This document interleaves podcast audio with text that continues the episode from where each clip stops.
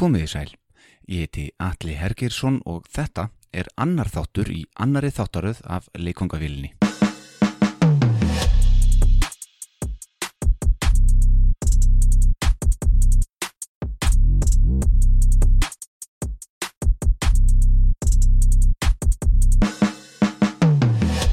Í dag þá bjóðum við upp á Risa Nörd Alert.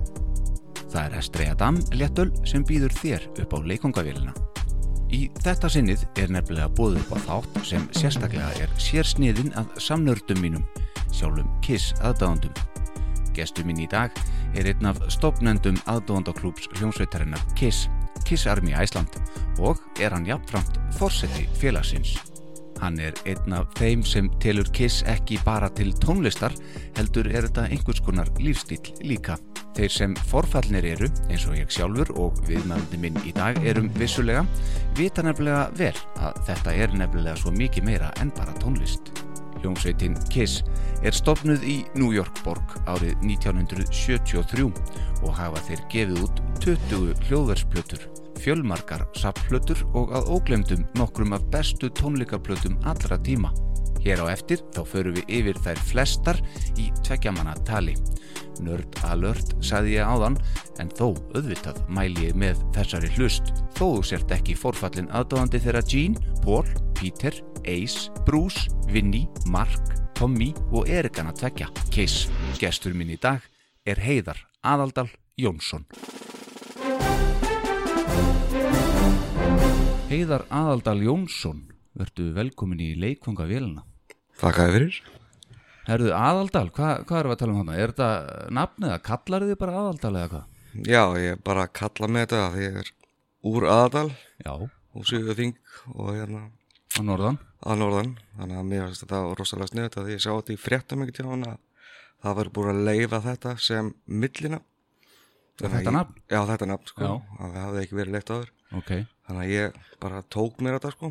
já, Þannig að flestir þekkja mig undir þessu sem að kannast við mig frá Facebook, já. annars ekki. Nei, annars ekki. Nei, annars ekki. En, en hérna, ertu aðaldal í þjóðskrafa eða? Nei, Nei, nei. ég er nefnilega ekki, sko. Nei, ok. Herðu, við erum búin að, þegar búin að tala um þetta, en hérna, þú ert sem sagt fættur þarna í aðaldalum. Já, ég meina fættur á Akureyri en ég Já, er já, ólst- eða ólst- uppalinn. Já, Já, ok. Og hvað gerir heiðar hérna í sveitinni, sveitastrákur? Hvað gerir þér sem ungu, ungu drengur? bara það sem að ungi stráka gera í sveitinni, það náttúrulega var bara að vera að vinna á bænum Já, og sem betur verið var veist, mm, að nágræni minn, hann var á sveipiðum aldrei við ég og við vorum mjög mikið saman á þessum tíma Já. og gerðum eiginlega allt saman og, og ferðuðist í gegnum tónlistarsöguna líka já, hver er af það? Sve- að Bergþór Hermansson, Já, hann staðarhóli Já, það er hann sjálfur, ég kannast nú við hann Já, já, Já, já, já. Og, og þið sem sagt kannski uppgötið það- umræðefni þáttarins saman eða hvað? Nei, rauninni ekki sko ég hérna kynnist Kiss í gegnum bróður minn Já, hann átti plötuna Double Platinum og þegar maður er fimm ára þá heillar coverið mjög af því að það er svona silvulitað og fallegt sko akkurat og maður eitti alveg hreint ógrína tíma að, að, hérna, að rissa upp hérna, myndirna sem eru innan á coverinu á þýri, þeirri plötu Já, Hann ég er- gerði mistök þar sjálfur Ég litaði þar allar Ná, já, og það er þannig í dag en þið ekki pínu væntu það en, en hefði vilja hafa orginal Já, Þetta var kúl það var sama og ég gerði þegar ég kipti Asylum á sínum tíma. Já, Þá er ekkert alveg sáttu við að hafa- þeir væri ekkert málaðir eða. nei, Þannig að ég litaði það alls saman upp, sko. þú rettaði því Já, já. og það er þannig í dag ennþá, já hann eða. Já, og þið ekki bara væntum hana Mjög, sko. Auðvitað En varstu eitthvað í íþrótum eða eitthvað sliðis? Já, já, maður var alltaf, maður var mjög, hérna, íþáttum mannslega vaksin á þeim tíma, sko. Já, Maður var, veist, í, í fótbalta og korjúbalta, þannig aðalega þessu tönni, sko. já, og með hverju þá, þú veist? Um, ég spilaði bara í sveitinni, sko, með, með hérna. Já, varst ekki að æfa þetta, varst bara svona í- Nei, ekki þannig, Nei, sko. nei, nei, nei, nei, ok En úlingar hljómsveitir og allt það Já, allir ég var svona eiginlega í byrjaði ekkert í hljómsveitum fyrir bara í framhanskóla Já. og þá var ég svona í tveimur hljómsveitum eiginlega Hvar, Hvert er þetta komið þá? að þá fór ég á sérsta framskólan á laugum Já, já. Það er nú svolítið tónlistarlíf þar. já, það allavega á þessum tíma þá Það er eitthvað getni og eitthvað. já, en það var nú ekki þá Næ, ok. Þú tólu svo gaman. já, já, já, já þetta er í árdaga sko, Já. það var mjög gaman allavega. Já, en þú flyttur hérna í bæin einhvernar. það hefði verið um 96 sem ég kemur eitthvað fyrst allavega Já. og var hérna í hvað að segja, tvö, þrjú ár þá flutti ég aftur norður og hérna var þar svo í hvað, þrjú ár og flutti svo hingað aftur um 2001 Já. og búið að vera hér síðan Ok. Og hérna ertu búin að koma þér fyrir með fjölskyldu og hérna og allt kiss stöfið þitt. já, já það er, það er erfitt að koma því fyrir þegar maður er í svona reisýbúð þá er veggplásið nefnilega ekki nógu gott sko Nei, einmitt. og hvað gera með þá? menn verða þá bara að setja þetta í geimslu sko, nema en að menn hafa bara það helsta uppi við sko. Já. Hvað er það helsta? Hvað er svona, ég veit þú átt ógrinn öll af alls konar dótteri úr, úr, úr uh, fórum kiss og mert og áritað og allafana. Hvað er svona það verðmætasta sem að heiðar aðaldal á? sko það sem að mér finnst vera vermetast er myndin sem var tekin af okkur þegar við fórum á Kiss Cruise 4 Já.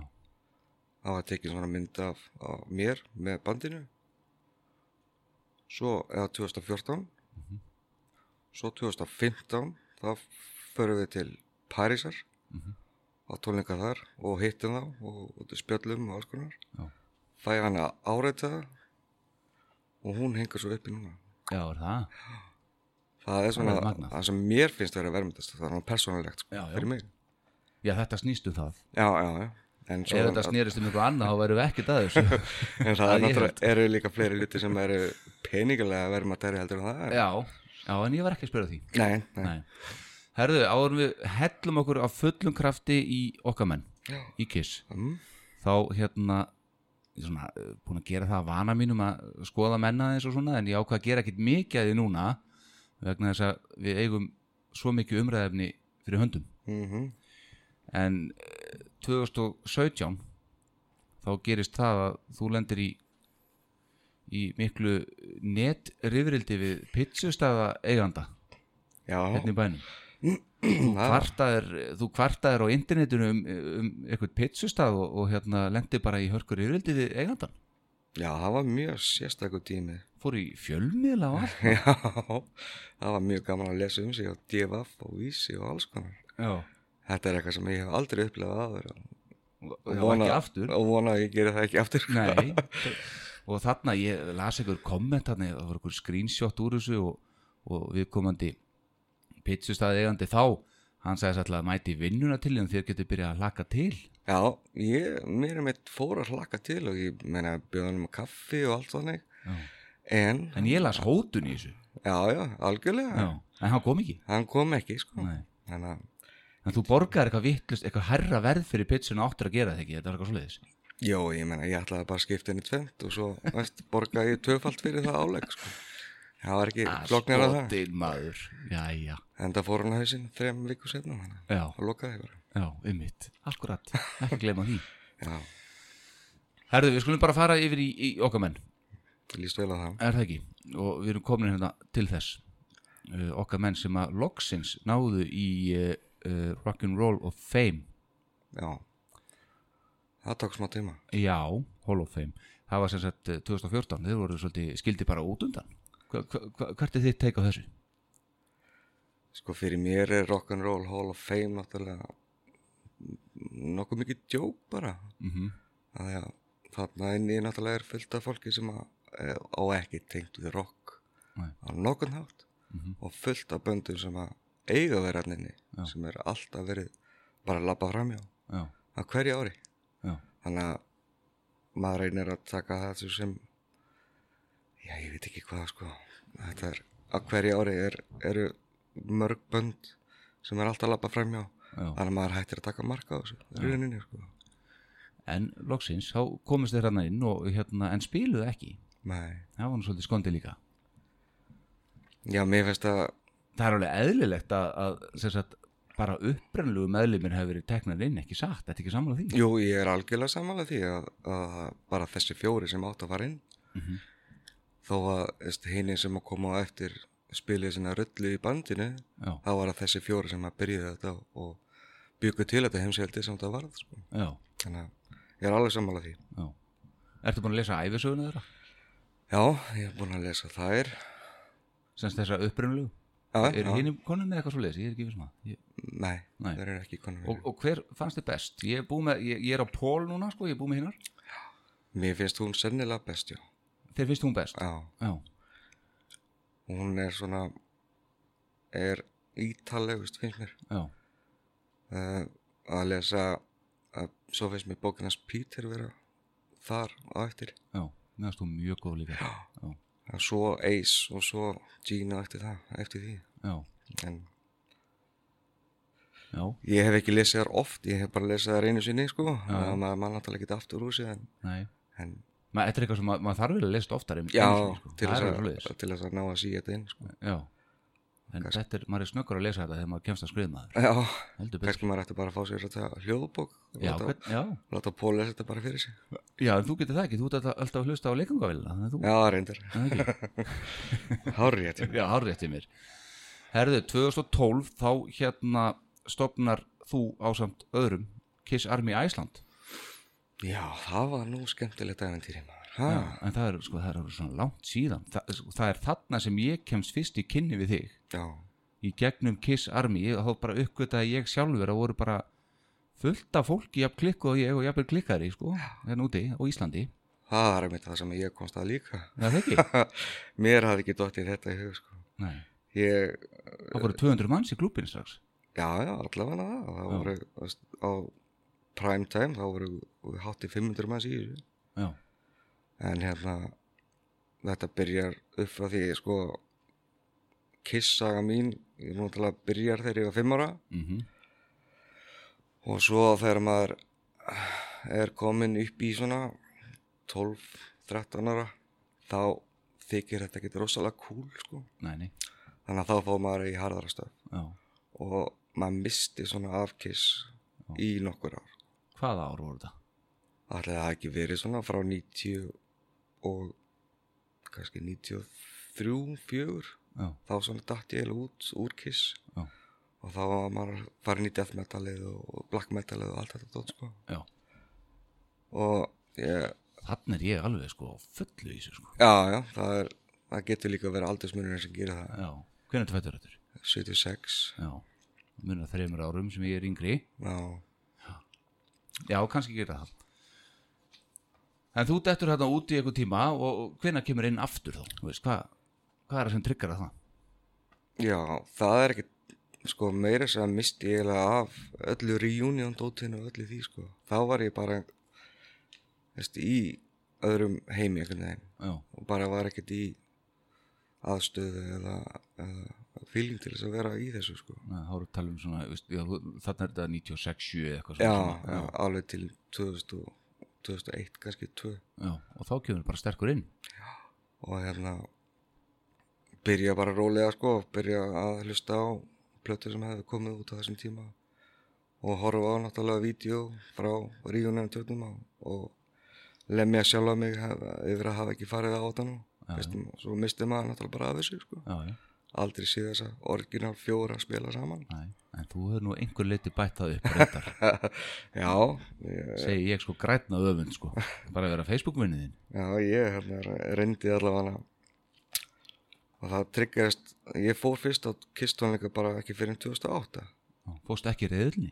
ég fór ekki í reyðalinn Nei, þá var ég bara sveitinni. stráklingur í sveitinni sko, fyrir norðan. En vissur af þeim þá?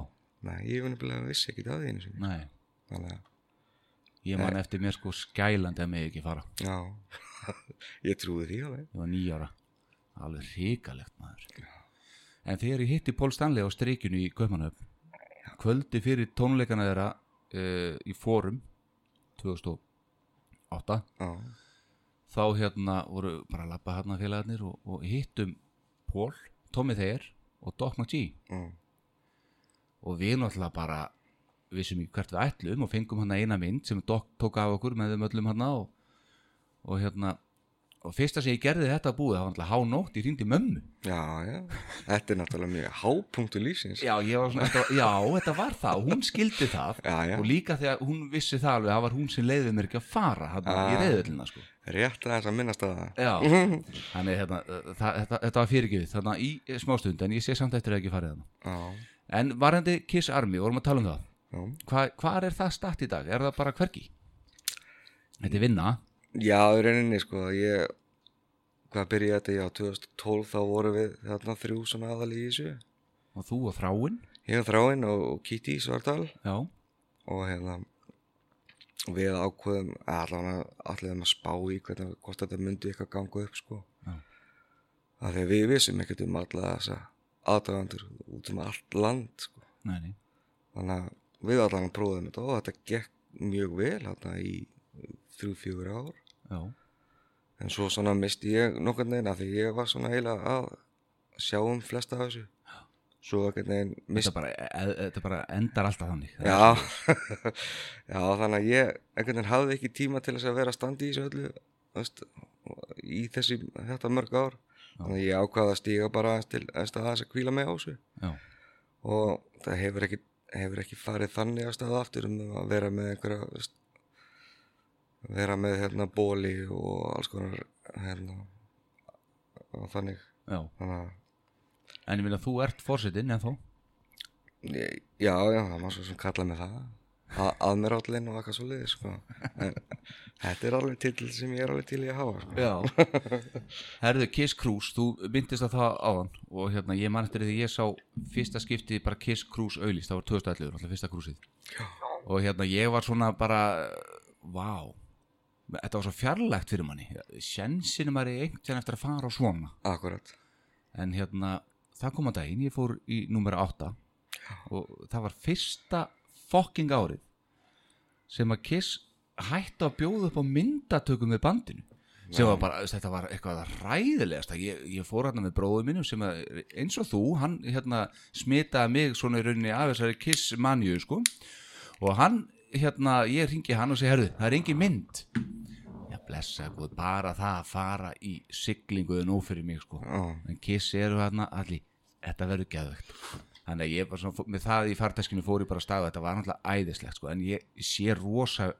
eftir því að að veist að þessi mynd hafi ekki verið en þú fóst á númi fjögur 2014 og svo aftur á númi sjö, það er nummer 6 númi sex já, já, 2016 2016 já, já, já, já.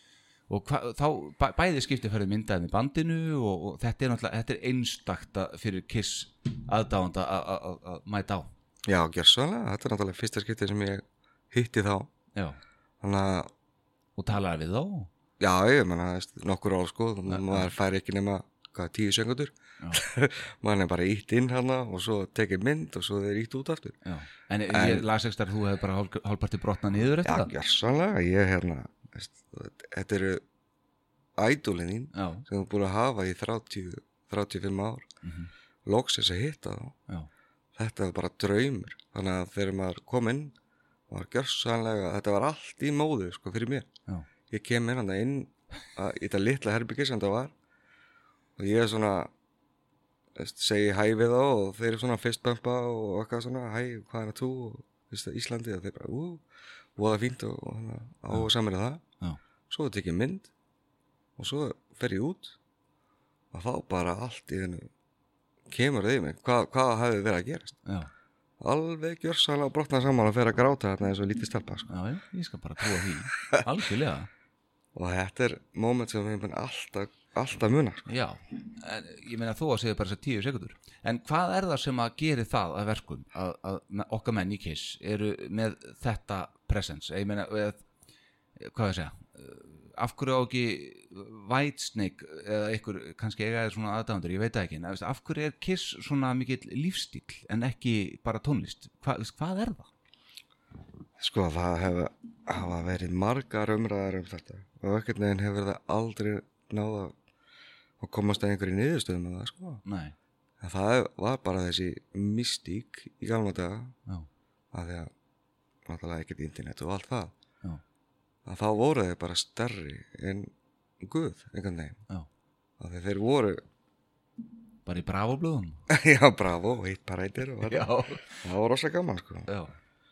þannig að, En hérna er eitthvað svona eh, var eitthvað eftirminnlegt band þarna á þessu Kiss Cruise af því að þegar ég fór á var náttúrulega fullt af öðrum böndum og er alltaf þannig eins og þú veist en, en eh, veist, var eitthvað svona annað band sem að eitthvað stórt á þessum tíma, ég veit Skittró hefur verið með þeim, þarna, Stephen Adler og eitthvað meira já, þegar ég uh, 2014 þá var Cheap Trick að spila Já, sem ég er mjög gaman af Já. að þeir náttúrulega túruðu með Kiss í gaman daga já, þannig að það var skemmtileg tenging líka já, já, og svo 2016 það var Skittur og stærsta bandið en það hefa yfirleitt ekki verið neitt stór bönd sko að spila með þeim af því Nei, að nei. þetta aðmálið er náttúrulega Kiss Já, já. sko. og það má Þruma- ekki þruma þeirra það má ekki eitthvað skikki á það Nei, nei, en að upplifa að fara á svona kisskrús það er náttúrulega með ólíkindum sko. já, að það, þeir sem að hafa ekki farið að það þeir skilja það ekki sko. nei það er bara þannig en já, ég, einmitt og, og hérna og ég man eftir því bara í fyrra þegar að, hérna Kiss Cruise 9 fyrir á stað og maður er náttúrulega þessi hópur á Facebook sem maður er í að þegar þú er farið á krúsið það er svona hópur sem að,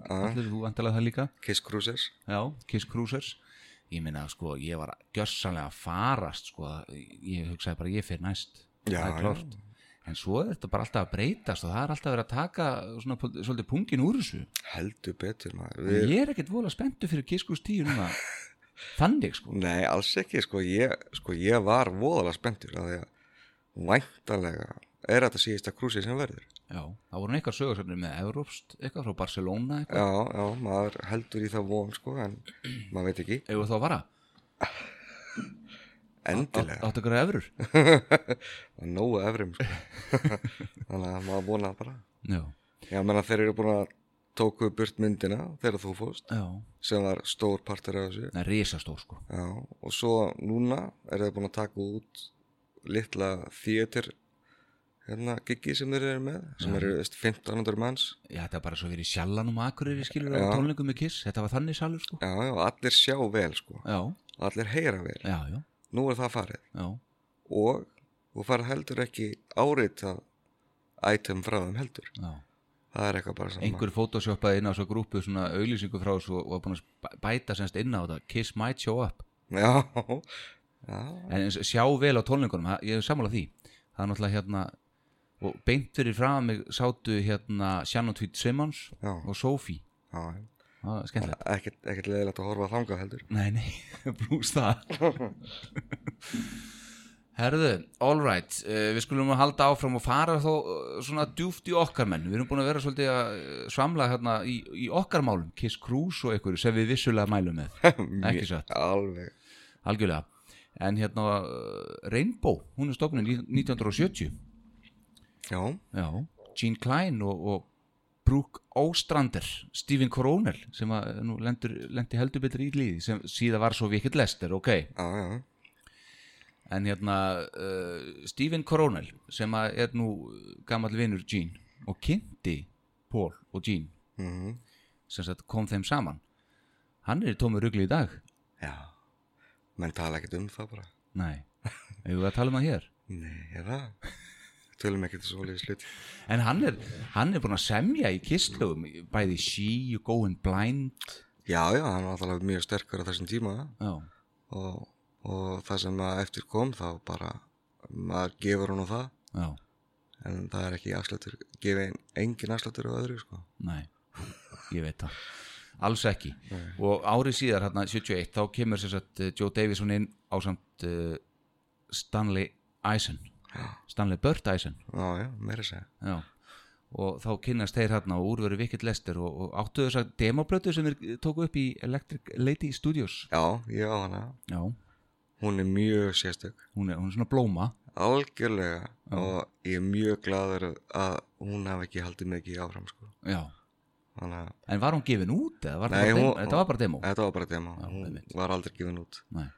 hún var svona all over the place þannig að menn gátt ekki komið sér niður á einhverja stefni sem þetta átt að fara Nei, þannig að þetta fór ekkert lengra en það nei, en þarna má finna lög, She til dæmis já, Love for all I can já, já það er, menn nýttu það sem var gott sko já, og settu það bara í nýjan búning og já tókst heldur betur vel til og svo náttúrulega hérna We Want to Shout It Out Loud sem er þetta kofilag já, já, já.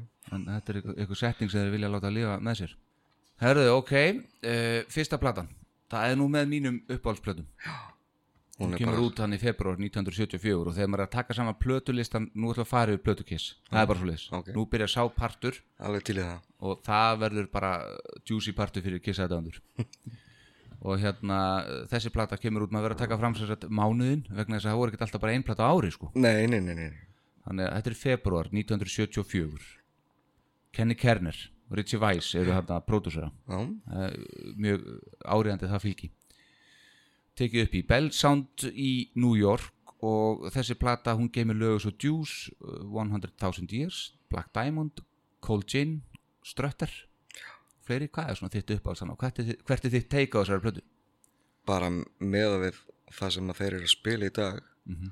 þá sést vel hvað þetta er ótrúlega góð plata Ég er sammála því Þannig að það, það eru allavega 6-7 lög sem þeir spila alltaf eiginlega af þessari blötu Já, og þetta er önnur upp á skissplata mín já Þannig að, Þú geymir með að segja hinn ánglið koma að henni já, já, já, Já, þetta er, þetta er nummer tvö þetta er nummið tvö Ok, Þetta er bara byrjunin og bara þvílíku frumburður já, það er gott sound á henni líka Mjög gott sound sko Það er En svona samt ekki- old school gott sound Samt ekki jafn gott sound á og, og demóð sem var tekið upp Nei, er það betra? í, í Electric Lady sko Já, Það er betra einhvern veginn já, fyrir þessa blödu fyrir þessa blötu Já, ok Það var Eddie, Eddie Kramer sem var, var að produsera það Já, Það einmitt, tók það upp, já já sem kemur svo hérna sí- síðar inn í þetta Jú, að fullu, vissulega en eh, ég las hérna að eh, slatti á, á sem sagt, efnið fyrir þessa blötu var sem sagt, eh, fyrst og fremst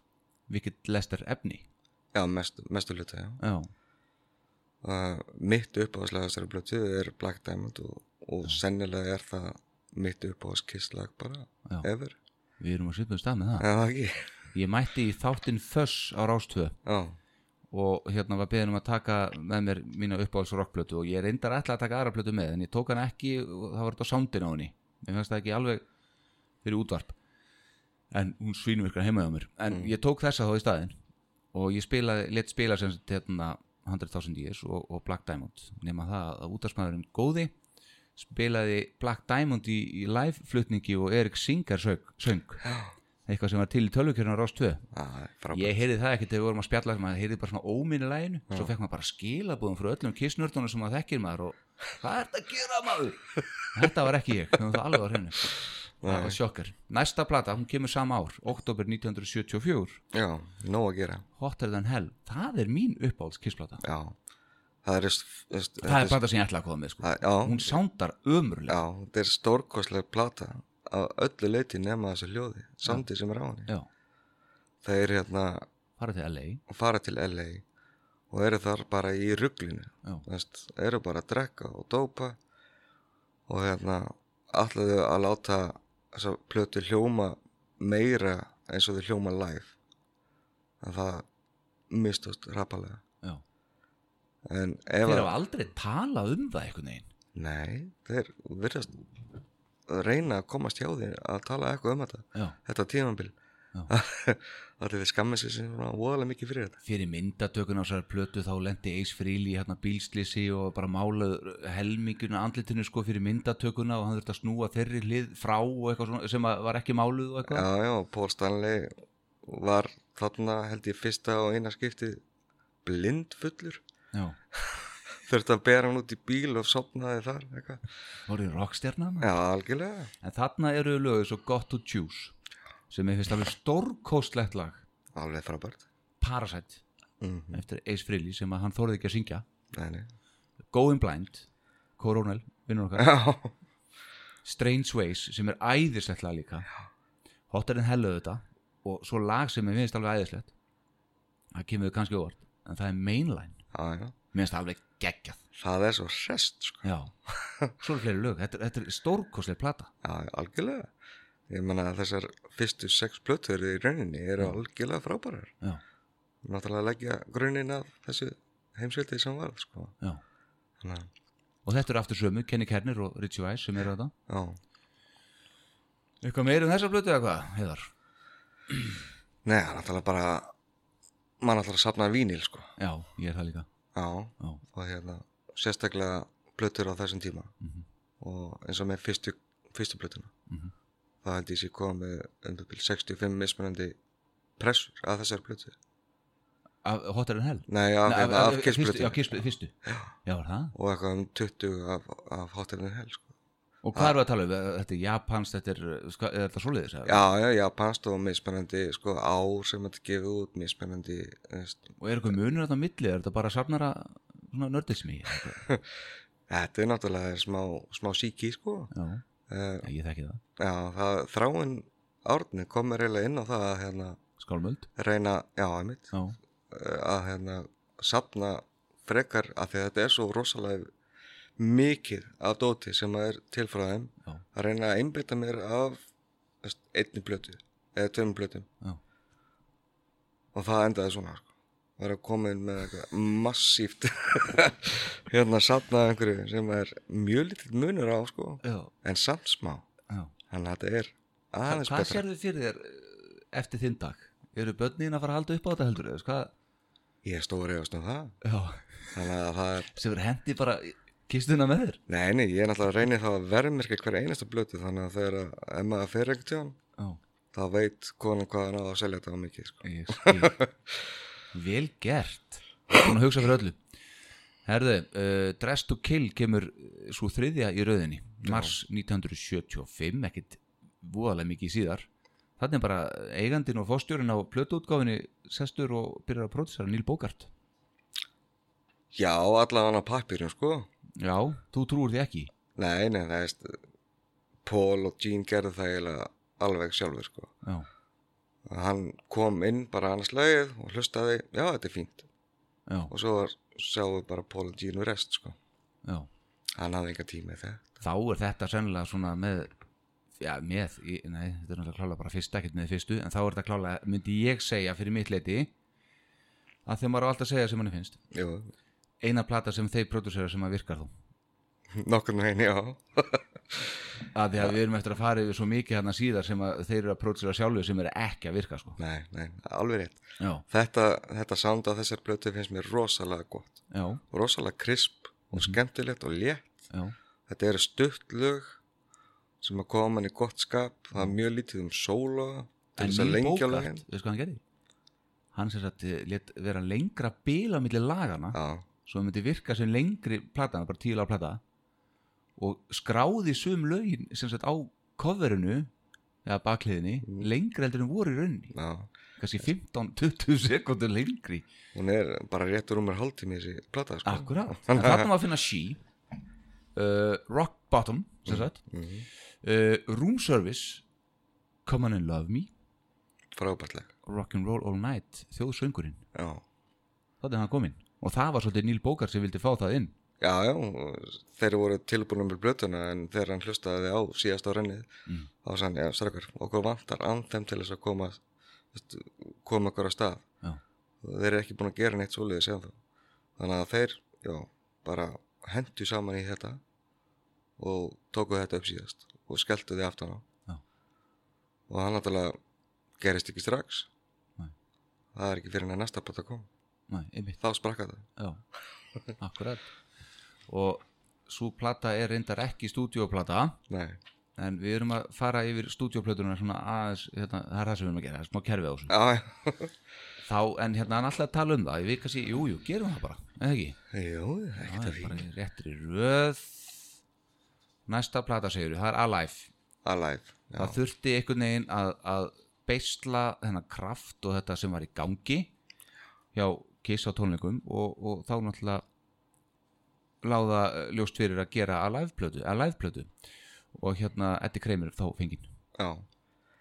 Eh, Þeir eru- voru búin að vera að túra endalest á milli þessara þyrkja fyrstu platna mm -hmm.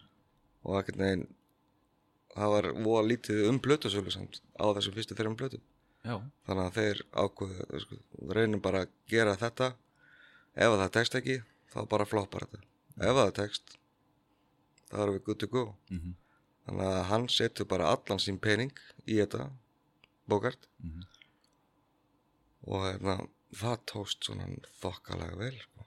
heldur betur bjóti bandið bjóð til bandið Já, messelda plata, kissplata, veist, ever Já, er það? já, Já, hún er tekin upp á fjórum mismöndu tónleikum Neðal annars, Kópahól já, Dítröð Já Það Það er er- komið okkar nei, það er staður sem maður hefði viljað heimsækja Já, höllin er ekki til lengur hann nei, hún var, Bara eitthvað moll eða eitthvað já, hún var ég held að þeir höfðu sína höfðu kisstónleika þar, hvað var það 2000 og, ég man ekki hvernig það var 2013, Já, og það voru síðustu tónleikandi sem voru í höllinni já ok þannig að svo, svo var henni lokað Það er náttúrulega sorglegt sko mjög Herruðu, og þeir áttu ekki einu sinni jakkaföt til þess að vera hérna á coverinu á, hérna, ég átti eftir að segja það, með Já. fyndið, á Dress to Kill, breytinu undan. já, Þeir áttu ekki jakkaföt, hann er hérna, nema Peter Chris, hann var í sínu jakkafötum og Neil Bó, nei, hérna, hann, hann Pilla Coyne, hann var lánaði öllum hinum jakkaföt, hann er alltaf lítil á Gino eitthvað, hann gerði eitthvað eitthvað grín úr í, já, já mjög sniðu mynd.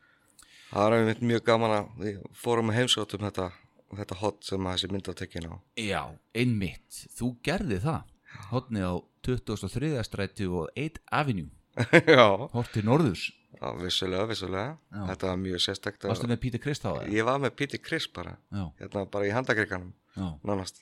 Það var mjög, mjög sérstakt að upplifa það. já, Og við einmitt bara heimsóttum fleiri staði sem að voru kistengdir hann það. já, Til dæmis í Electric Lady Studios. fórstu þangað? Já, já. Já. Fóru þar inn með honum, sko. Og hérna hann síndi okkur hvernig þetta hefði verið í gamla daga. Já. þetta var, þetta, var- hann, hann svona hann klöknaði við að upplifa þetta aftur, hann hefði ekki komið þarna í ykkur 40 ár nánast Já, er það? Já, þannig að þetta var mjög sérstök, sérstök stund að vera með hann þarna já, þú skal trúka því.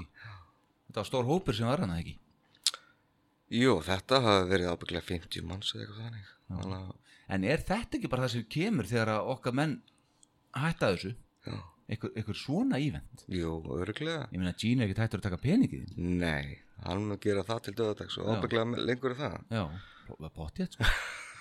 E einhver svona ívend sem að, maður heldur í vonuna maður eftir að upplega þó að segja ykkur tónleikar og, og ykkur geðviki. Já. Og varðandi sko einmitt það, að, út af að maður tala um áðan þessa mynd sem að ég mista af krúsinu sem ég fór á. Já, Þú veist, þeir, ástæðan var svo að þeir eru svo gamlir og þungir búningar og eitthvað svona, veistu það það þarf ekkert búninga fyrir mig sko nei, nei Þú veist, það er ekki issueð fyrir mig Þeir hefði alveg getið verið bara sitjandi hérna með koktela og, og Algjörlega. þeir hérna inn á milli það er alveg nú, Ekki flókið þeir bara einfallega nefndu sig ekki sko. Nei, herðu, platan eftir þessu, þá kemur Destroyer, já mars 1976 þitt ár, Eddi Kreim er komin þar inn Nei, fyrir ekki nei þa þannig er komin alveg maður sko Já, já. ekki það, Eddi er alveg líka Já, sko. já, já, en þetta er kanona, Bob Essin já, Bob Ezrin Kanadamaður Þetta er í Electric Lady Studios Já. og reyndar rekordplant líka í, í New York Þarna eru lög eins og Beth uh, Detroit Rock City God of Thunder, Shout It Out Loud Do You Love Me og fleiri góð Já, þarna voru peningarnir konir inn Já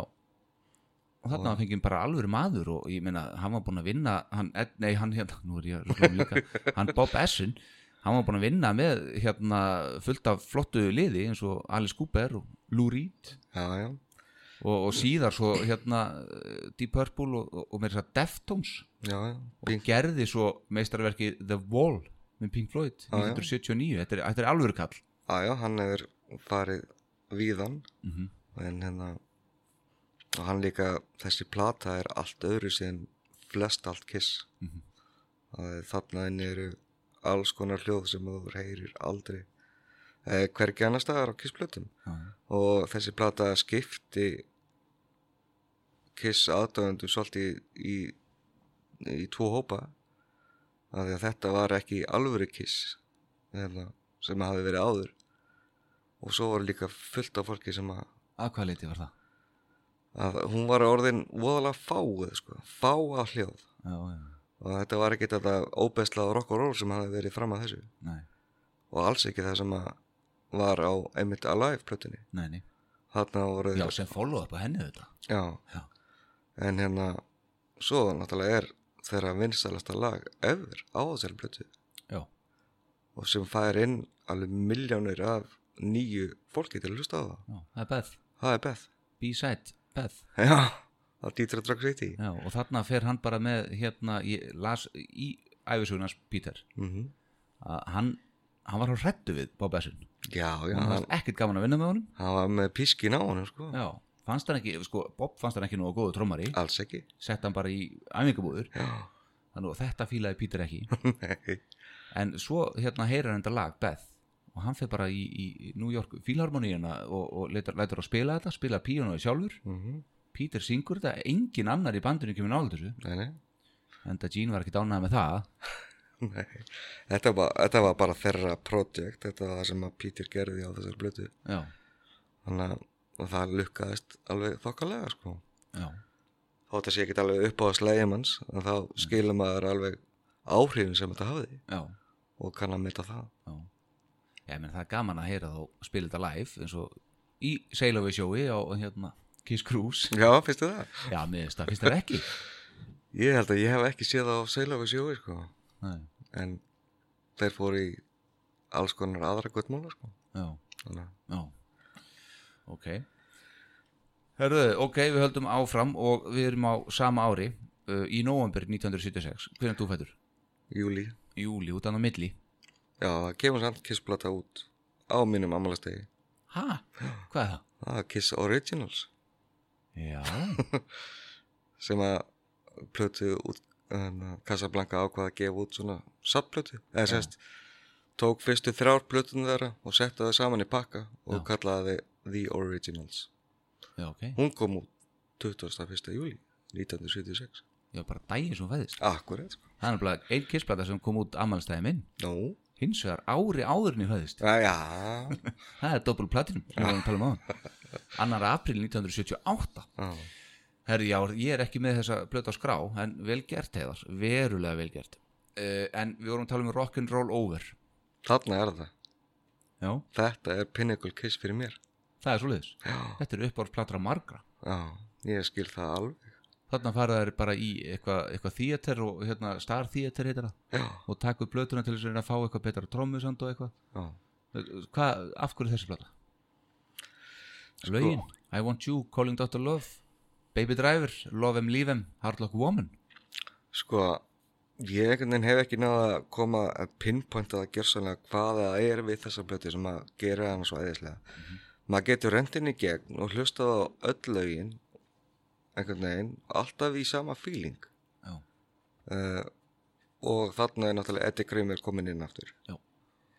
og það eru engir, engin symfónía það er bara straight forward rock and roll eins og fólk kynntist með Kiss já, og það er það sennilega það sem að mörgum finnst líka við þetta og þetta er náttúrulega frábær lög þau I, er það. I want you, oh það er æðist making love og allt þetta Mjög góð lög. já, og þarna, mér er svo gaman að lesa þetta í, í bókinas Píters aftur vitna enn en í hana þegar að Píter var náttúrulega fullu hérna í, í, í hvítadufti í, í duftinu í nefið kokain, heldur já, heldur betur og hann var sem sagt stattur annar staðar í þessu þýjateri og var sem sagt eh, bara í svona videolink á bandið sem var í upptöku já, og svo hérna hva, hva, hann hendi einhverju yfir myndavælin eitthvað eins og hún hefði dottið út og eitthvað á meðan þá sög hann í nefið og sagði ok, ég er búin að laga þetta þannig að hann tók þessu peysuna frá og þetta. fel þetta fyrir bandinu já, ég held að það hafa nú alveg vitið þetta sko já, já, en já, hann segir svona frá allavega já, já. en þetta, hérna, þarna er samt hann er samt alveg í, í fínu stuði þarna Í- Já, hann sérstak, Peter. sérstaklega mitt á Harla Koman, það er svona Paul Stanley samdi já, fyrir hann, en reynda fyrir Rod Stewart, hann ætlaði að Mm. Já. láta hann syngja já það. hefði alveg virkað og spáður í það þannig. Já, gjörsanlega, Já. þeir eru ekkert með það ósvipaða rödd, Einmitt. Rod og, og Peter. Mhm. En hann fer gjörsanlega á kostum, á Baby Driver, sko. já, ég veit það Það er alveg stórfenglegt að hlusta á hann syngja þar. já. hann hefur verið með eitthvað í neppanum þá Það gæti verið, já en ég ætla ekki að slá það fyrstu. Nei, nei, nei, alls ekki En þetta er alveg, þetta er stórkostlega plata ég er samanlega því og hérna ég veit að þetta er til dæmis ég sé það að að hann hefur talað um hann Eyður Arnarsson bassarleikari í Tóttmóbil og þessum böndum að hérna, þetta sé upp að hann og kissari líka að þetta sé hans uppáhaldsplata í, í, frá kissi heimum Já, ég skil það alveg gjörsanlega. Já uh, Platan á eftir þessu kemur í júni 1977 Þá eru menn mættir aftur í rekord plant í, í New York og Eddie Kre- Kramer er mættir þetta aftur eins og Rockin' All Over Mm Love Gun Love Gun. það Já. er hérna, það er, mér finnst það svona góð blata og svo bara ekki góð blata Já, hún skiptist aðeins í tvend. já, þetta er sammála því Já, nokkurn veginn. sko. já, Og og það er líka þarna ertu er þeir á hátindinum sko já, á allavega fyrstu fyrstu öldunni þeirra Já, já. í bandaríkjunum Mhm. þannig að menn voru misvel tengdir þarna þegar þeir voru að taka þetta upp Mhm.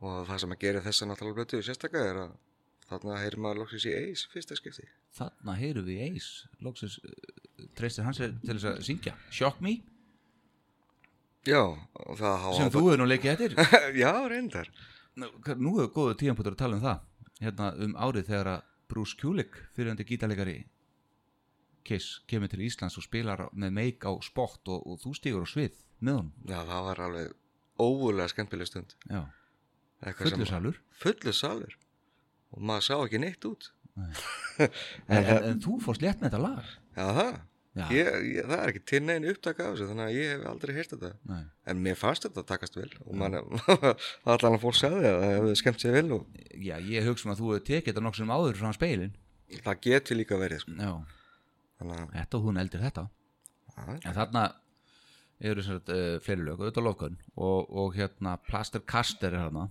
já, það er svona lag sem ég, ég, ég er ekki viss með sama með Kristín 16 Vistu, er þetta gott eða ekki Mér- þetta er svona einhvern veginn á uh, svona á kantinum einhvern veginn hjá mér sko já þarna er Gene svolítið að, að, að hérna, ringja inn eins og maður segja já, og hérna sem ég frekar einföld lög til þess að fylla upp í plötu af því að þarna, þarna náttúrulega voru þeir að túra alveg ótrúlega mikið já, já, og hafðu, hafðu ekkert voðalega, voðalega mikið tíma til þess að fara í stúdíu og fara sem ég lög og alls konar nei þannig að þetta var bara hann náttúrulega er með allt, hefur alltaf verið með rosalega mikið safn af, af hérna, demóm og bara hugmyndum sem hann hefur uh, hugsað upp þannig að hann grípur bara í þetta mm þetta er eitthvað sem hann átti til bara já, einmitt og hérna á hvað setja þarna en svo er lag hérna sem heitir Almost Human það finnst mér alveg óbúslega skemmtilegt lag alveg sammála því já, það er mjög sérstakt og mjög, mjög hérna, í and, skemmtilegu bassalegur í því anda hans já,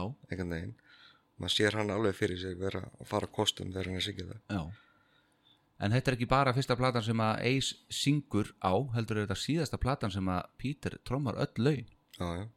Svo Eins og er segja, hann- þetta, þetta er bara há, hátindurinn já, og svo fór þetta allt án heila það já, þaðan frá, einmitt innan bandsins það Ak- að segja, Já, akkurat En uh, eftir þessari blötu þá fara menn í solo gefa út soloblötur já, já, 1978 þetta var þeir fóru þarna í frí eftir að þeir tóku upp hérna hérna geysi góðu mynd Phantom of the Park Einmitt og Hún er kvöld, hún, hún er kvöld sko. stóðst þú ekki fyrir sýningu með henni hérna í jú, Paradís? ég hérna Þú hefur gert alveg helling í þessum var Vel með, gert hjá þér. var með síningu já, í Bioparadís þar sem að mættu alveg, alveg 30 manns eða Já, eitthvað Ég tók korna mína með og já, kann vel að metta það Já, Þannig að hennar það- skaman það var mjög gaman Já, en já, til þess að reyna að halda bandinu saman af því að þarna var voru menn farnir að fara af teinanum sko sérstaklega þá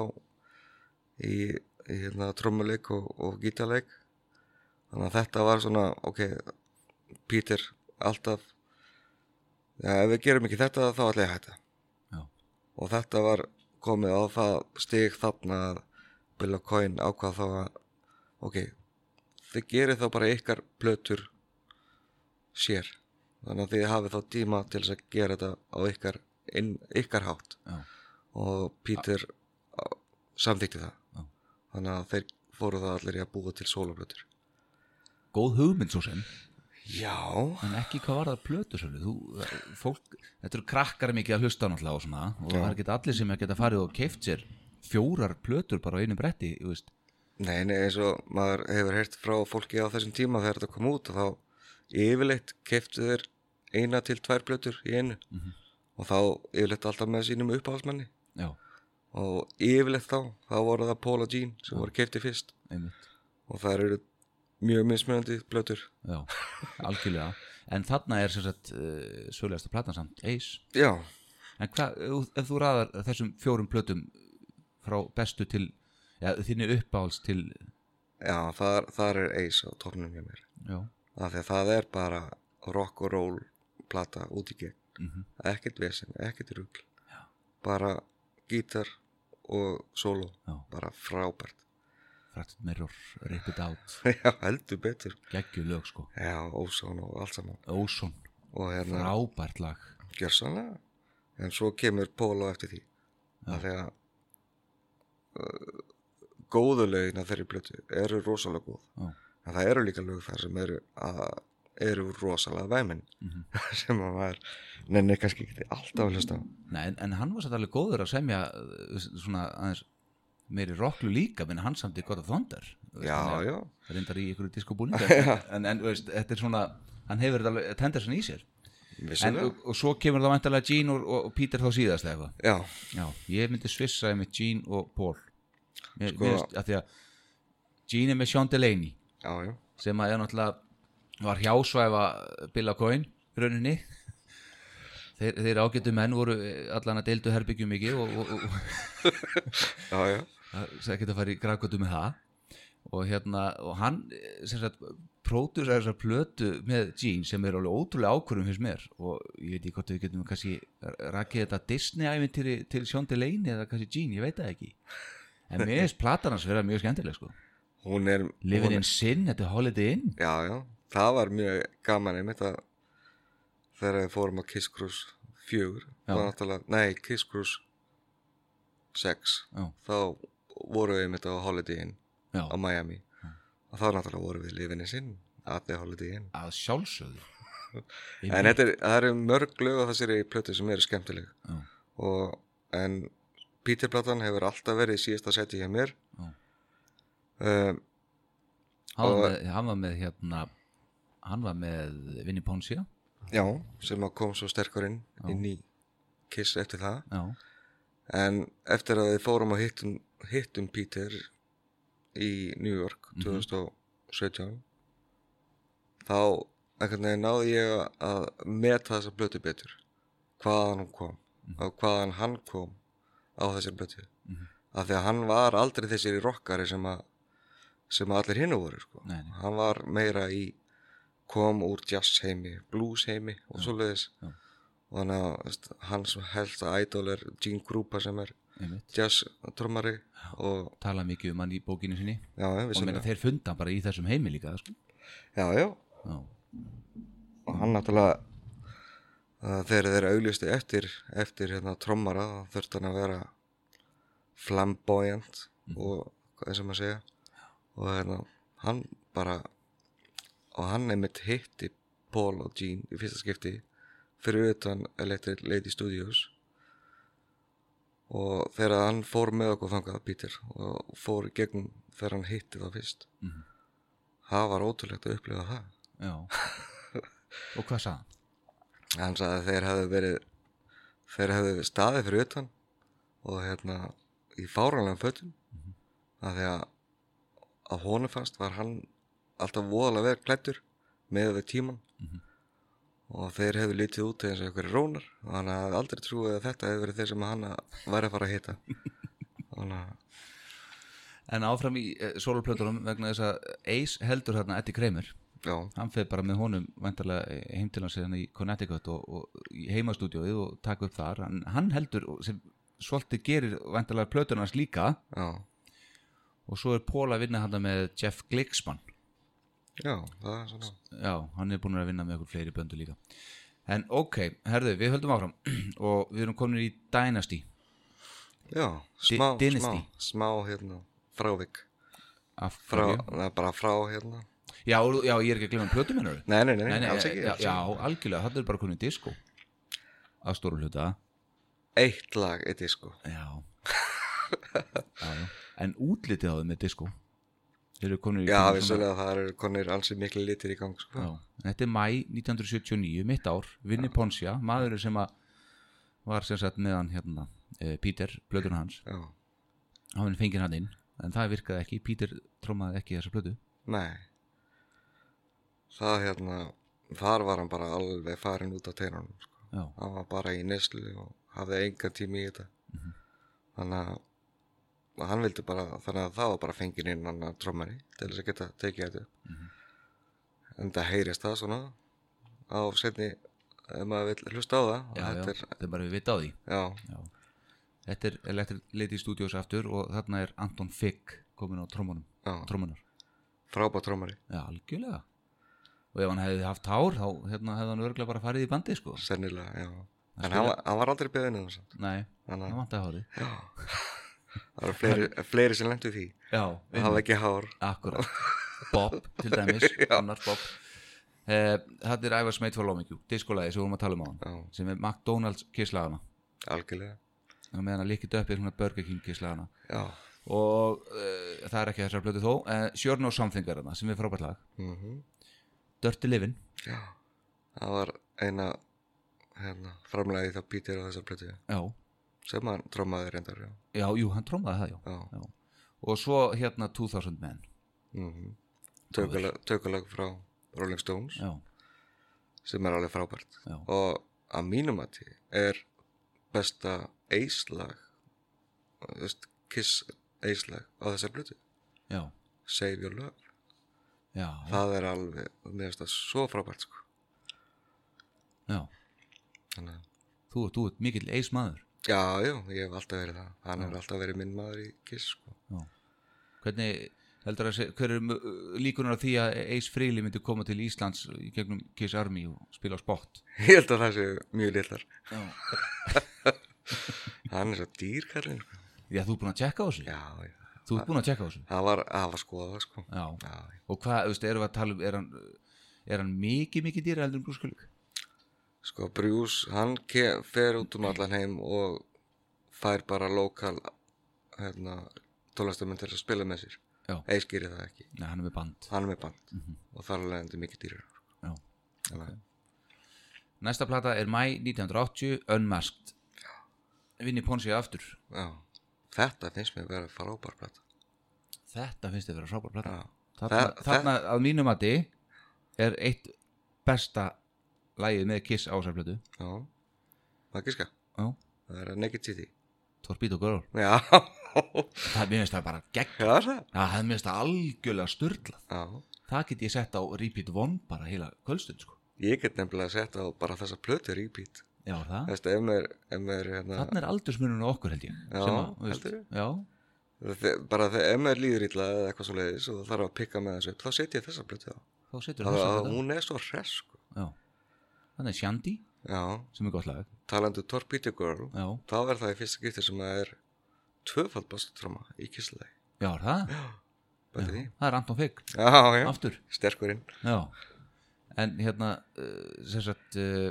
það sem komur óvart líka hérna er að það er ykkur Tom Harper sem spilar bassan í Shandy í þessu lagi já, þarna að þessum tíma þá náttúrulega var að koma inn alveg fullt af af hérna tólestamennir sem spilaðu hér og þar og, veist, spilaðu bassa hérna Mm. og rithma geta Hired Gun já, já, mm þannig að það var á þessum tíma sem það byrjaði svona einhverju, einhverju viti sko Já, þannig að- að þeir menn voru ekkert alltaf viðlátnir sko nei öðrum nöppum að neppa já, spila póker og hvað, hvað er Já, um mitt En þetta er, já, þetta er svona góttúplata hjá þér, já, já, það er Magna eins og skrítið að það hljómar sko Já, já Og síðast sem að Peter Criss gerði með hljómsveitinni Kiss áður en hann kom svo aftur hann að löngum um nokkrum ára síðar það var að koma fram í tónlistarmyndbandi við lagi Shandy búið að reka hann á bandinu búðar eitthvað um barninu og bara þegar hann einmitt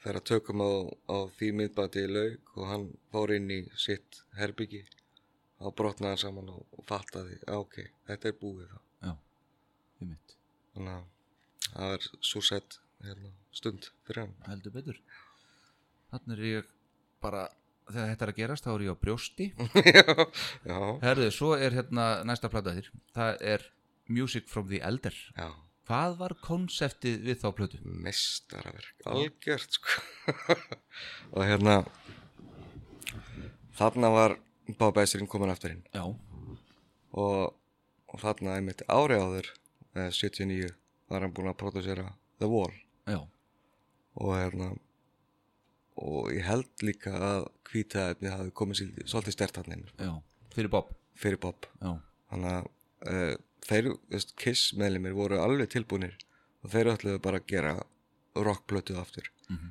eftir að, að Dynasty og, og Unmasked hafi floppað svona frekar mikið um allan heim nema í just, Ástralíu og Japan já, að mestu leiti Mhm. þannig að þeir komu inn í stúdíu og ætla að fara að gera bara hard rock plötu aftur Ace alveg bara spenntur yfir því nei, svo kemur Bob og hann kemur þessu konsepti inn hjá Paul og Gene Mhm. og þeim finnst þetta að vera alveg stórkastlega hugmynd mm. svona konceptplata Já, aðeins að prófa það fyrst að það tókst hana vel með The Wall Mhm. þannig að þeir fara alveg á þann vagn Ace alls ekki Mhm. hann var alls ekki tilbúin í þetta Nei. og það var svona nokkuð veginn byrjunin af því að hann stiflaði sér út Mhm. þó að hann hafi séð með gott lag á þessar blötu sem heitir Dark Light mm Mhm. instrumental lag Mhm.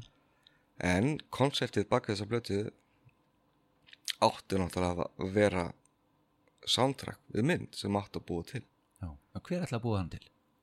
það hefur einhvern veginn aldrei komið fram Nei.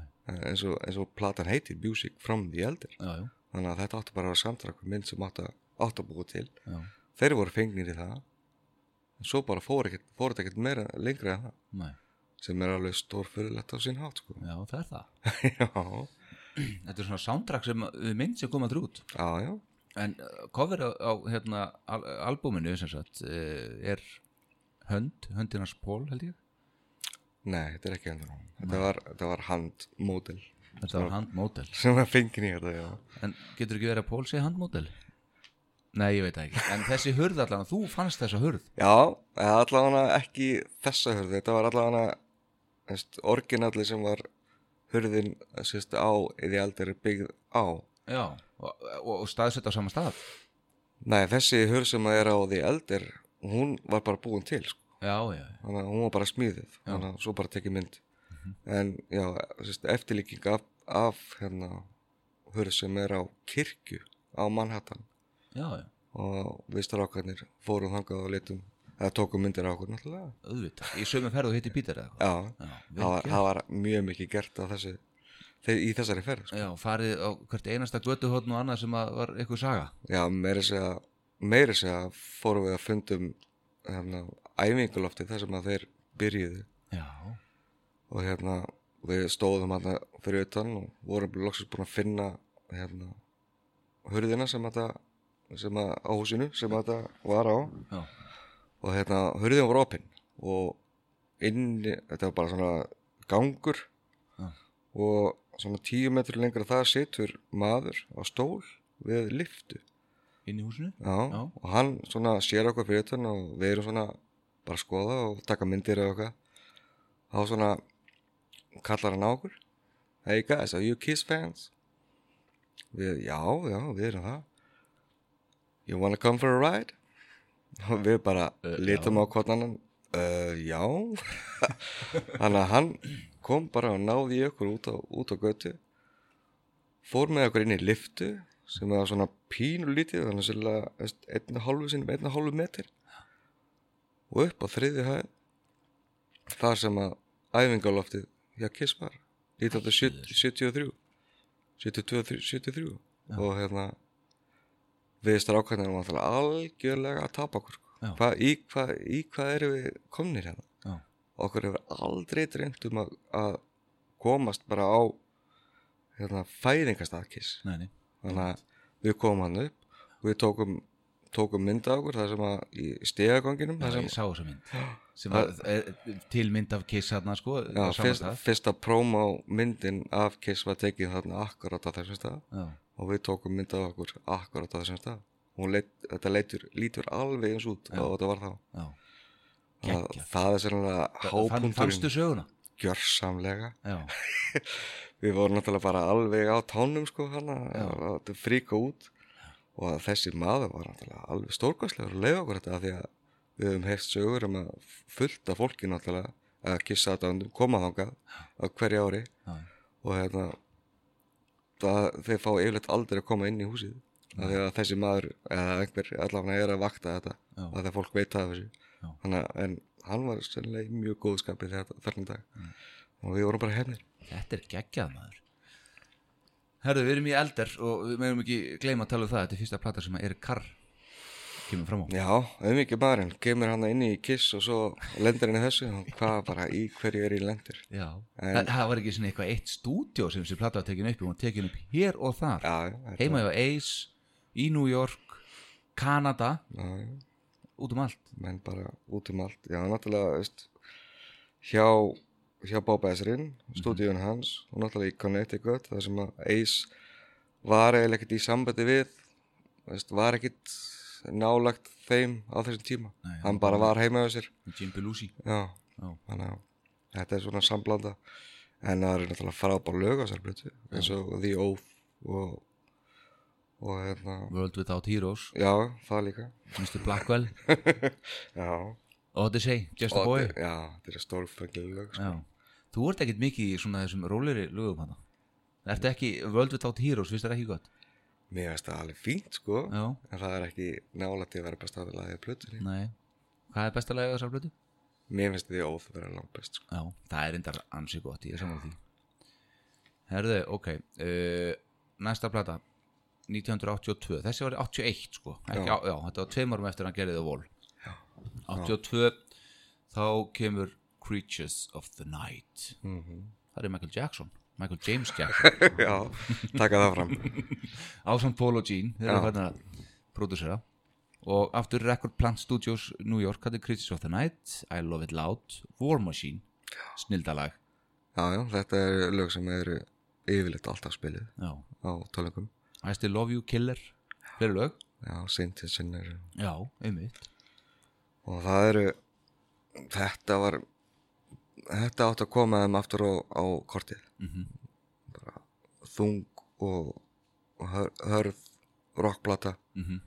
af því að eldir náttúrulega gerði ekki neitt fyrir þá með mig, þetta er eiginlega eina eina plata sem þeir fara ekki á túr við já, Þannig að- og já svo- þið eldar sem sagt já, já, þannig að þannig að allir eru komin tilbaka mm en, en hún seldist eiginlega ekki neitt nei, og túrin er að hafa bara halvar hallir einmitt hér og þar já, en þetta er náttúrulega frábær plata já, en sko Ace spilar uh, ekkert á þessar blödu, Nei. hann er á coverinu Já, fyrsta coverinu allavega já, það var, það var samningurinn. já, Það þurfti að vera allavega þrýr af upprunnu meðlum þurfti að vera á plötunni. já, þetta er síðasta plata frá Casablanca, Neil Bogart vinnur okkar hann deyr reyndar þegar þessi plata er tekin upp Já, já, og þessi plata er með tilökuð minningu hans að dóu krafminni í upptökunum en hérna þessi samningu sem þú talar um var semast við hann væntalega, það er það að vera allir framann á coverinu eða eitthvað Nei, það var held ég við Mercury, þess þeir voru að fara að kaupa Casablanca já, já, já, já, ok, og það var, þess, kom frá þeim að það þurfti að vera allavega þrýr upprunnu meðluminnir. já ok og hérna uh, Vinni Vincent og Bob Kulik reyndar líka Já, meðal, meðal nokkra, Rick Derringer og fleiri. já, sem að einmitt, Taka sóla þarna á sér blötu. einmitt þeir spila uh, sérst, gítarna í staðin fyrir eis Já. finnst þú að heyra það líka? Já, já, e, veist, það sem að, já, já, það er alveg augljóst, sko. Mm Það er að, Ace er einstakur, já, það, það næri enginn að kopja hann, nei nema að döma þegar kannski. hann er búin að stúta það Já, heldur betur. uh, skal ég segja þegar hún var svona endurútgefin 1985 af uh, Mercury Já, og þá er Bruce Kulik komin á coverið Vinni Vincent nær aldrei á coverið á Nei. þessari plötu. þannig að hann spili örglega mest af þessum gítar sko það eina sem að var gert við þá útgáfu, veist, hún var bara endur hljóðmixuð, já, veist, já, það var ekkert annað gert, sko. nei, Það var bara sett nýtt cover og svo risastór leður rassu aftan á, aftan á blötunni. um mitt Og þetta átt að selja hana betur. já. hann gerði það ekki Nei, það gerði það ekki. nei. herðu uh, við vorum að tala um Vinni Vincent hann er komin á fullu hann inn og árið síðar kemur Lick It Up Já, ákveðin vendipunktur hjá bandinu já, vissulega. og uh, auk uh, titilagsins Not for the Innocent, All Hell's Breaking Loose and on the Eight Day sem ég veist alveg frábært lag sko. Já, en þetta er plata sem ég get látið renna í gegn og mér veist hún bara líða eins og tíu myndur já Ertu Og ekki þar þetta- með mér? Þetta, er- þetta er plata tvekja helminga hjá mér já, Þú veist, hlið eitt Mhm. er stórkostleg Mhm. hlið tvö er minna stórkostleg já, en þú veist, byrja plötuna á Exciter mm -hmm. það er eitt besta byrjunarlega á kissplötu Mhm. já, er, já, það er bara frábært indislegt lag, það er bara fyrsta, fyrsta og notfæði Innocent og, og On the Eighth Day náttúrulega mjög gott lag líka en já, já, svo eru þarna á setni, á setni helminum eru lög sem er ekkert sko. æðislega næ, en, en Vinni Vincent semur rosalega mikið hann á þessari blödu, já, hann kemur rosalega sterkur inn semur náttúrulega- 8 af 10, eða þess kemur að 8 af 10, já, hann náttúrulega hefur aldrei komið neitt almennlega ljós hvaða part hann átti á þessu næ, hvort að það er með eitt riff eða hvort að það er bara með solo eða eitthvað sem er já. En hann greinlega kemur með þetta heavy metal dæmi samt vegna Já, þess já, að það sem algjörlega. hann samti svo fyrir Revenge, það er svona að maður setur saman sem er ekki hann á milli, að, Já, já. Þetta var, þetta var nýtt blóð sem þau þurftu já, og náttúrulega annað við þessar plötu náttúrulega er fyrsta platan án málningar. akkurat, Þannig að það var stórt skref líka. já, þarna tókuðu ræs og við gerðu það í beinni útsendingu á MTV. Já. Hvað, þý, Einmitt. þýska MTV, nei hvað var það, ég man ekki. ég var einhverju MTV allavega Já. þegar að Kiss tók af sér make-upið maður það er örglega verið svolítið ákvörðu fyrir þá já, ég held að, að þetta var það sem þau þurftu að gera. já, Þetta gekk ekki lengur að vera að búa til nýja og nýja make-up fyrir nýja og nýja meðlimi. Þannig. nei, þau lærðu það núna síðar í árum svo líka að- Já, en þessi plata er sér þetta aftur Michael James Jackson á St. Paul og Jean og tekin upp í Record Plant Studios New York Já. og uh, þá höldum við áfram uh, Animalize mm eh, ja, sko, reyndar þarna kemur Mark St. John inn já, já.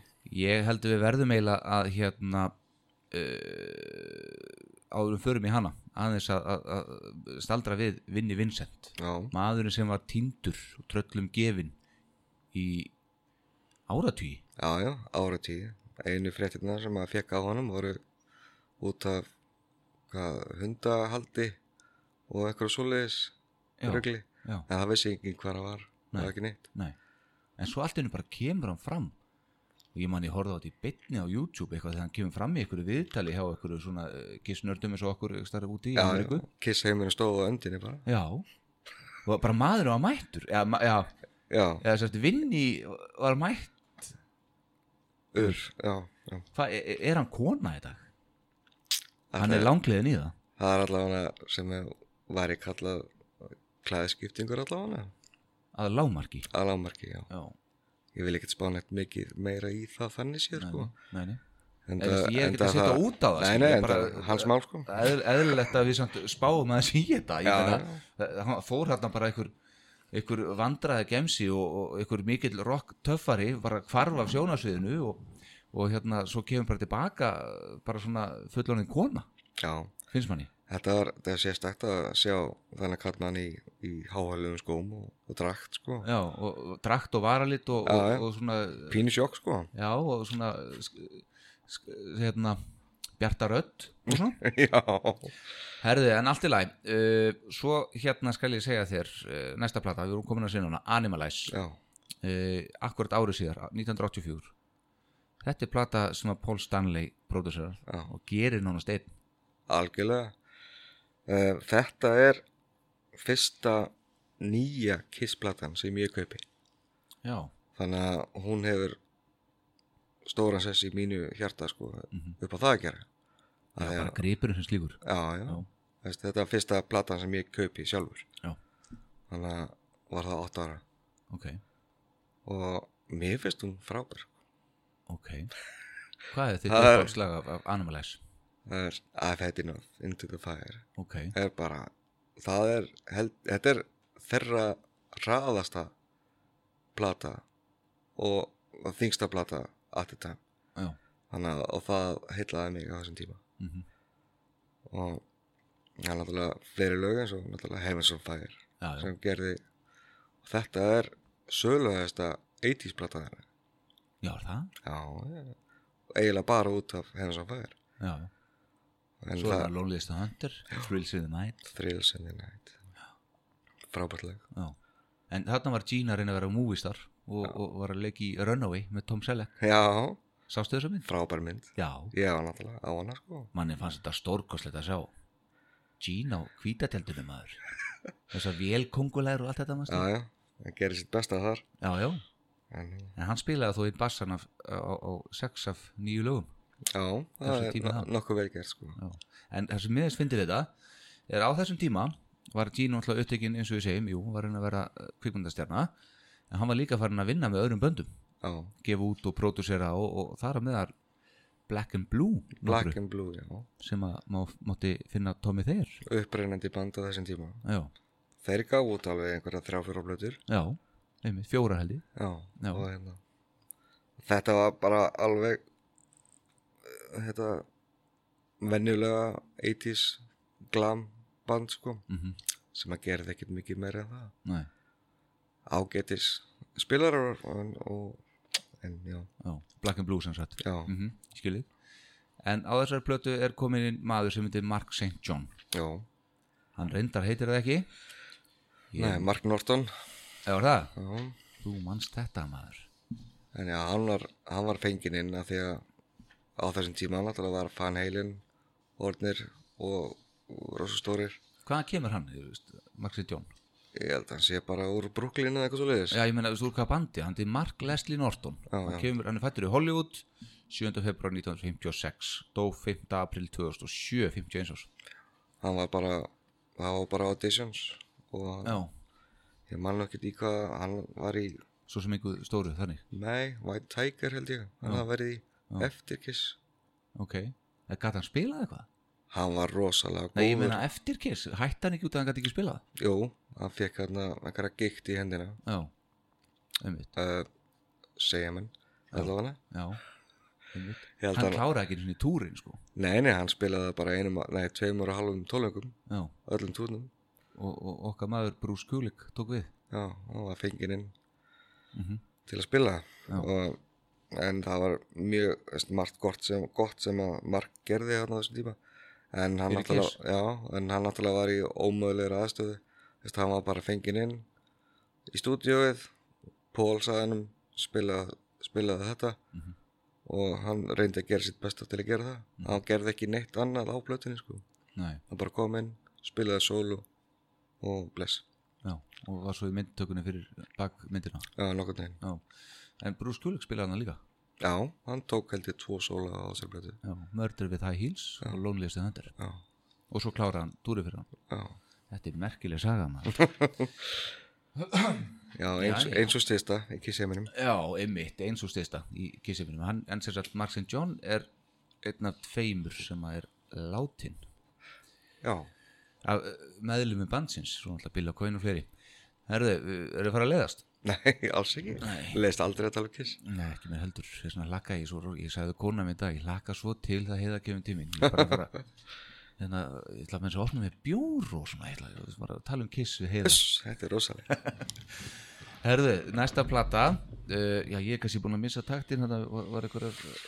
liveplötur þetta á milli, ég man það ekki uh, live blötu, nei, hann náttúrulega kom bara einhverjar uh, hérna. Killers kom reyndar hérna hann 82 eða eitthvað skilur svona, sem er sapplata já, nei, nei, það er ekkert svo leis, ok uh, kom bara út í Evrópu og, og Asíu já, um mitt ekki á amerísku markað þar eru náttúrulega fjögur lög sem að eru frábæra mínumati mínumati, á Killers, ný kiss lög sko já, I'm a legend tonight og know what to run til dæmis Já. Mér finnst það alveg frábær já Þannig, að- en já, höldum áfram Þeir eru svolítið í þessu að bæta við nýju lögum á samplötuður og svona líka já, einmitt. gera það líka 88 Já, einmitt uh, Eis Elum kemur september 1985 já, Það er Paul Stanley og Gene Simmons já executive, executive producers yes, akkurat. Afturmættir í Electric Lady Studios Það sem þú hefur komið mm -hmm. Þannig eru lögur svo Tears Are Falling Ooh, All Night já, og sko það var nú gaman að henda því þá inn núna til dæmis að að Ooh, All Night er co-samið af Desmond nokkrum Child já, sem að er listamann nafnið hans reyndar, ég manni hvað hann heitir en hann er búin að semja ansi mikið fyrir Kiss þessi maður já hann kom nokkuð styrkurinn og hefur verið aðalega þá með Pól að semja sko já, þeir áttu nokkuð gott samband í, í allan með að semja lög þannig að- og þeir þurfti að líka á því að halda held ég á þessum tíma I was meant to love you já, Heaven's on Fire og uppbóðslæðið þitt Let's Put X in Sex já, frábært Hide Your Heart og fleiri já, svona bara sem er fullt fyrir Aerosmith og Cher, Bon Jovi og, og Bonnie Tyler Ricky Martin, já, hugsaðir hábúndurinn hábúndurinn Ricky Martin, sko ekki glemma því og Robbie Williams, Scorpions Já. og svo, sem er sennilega mesta afrek Desmond Child ok, hann náttúrulega tók upp, pródúseraði og samdi öll lögin á trass með Alice Cooper, já, pældi því þar með lagið Poison.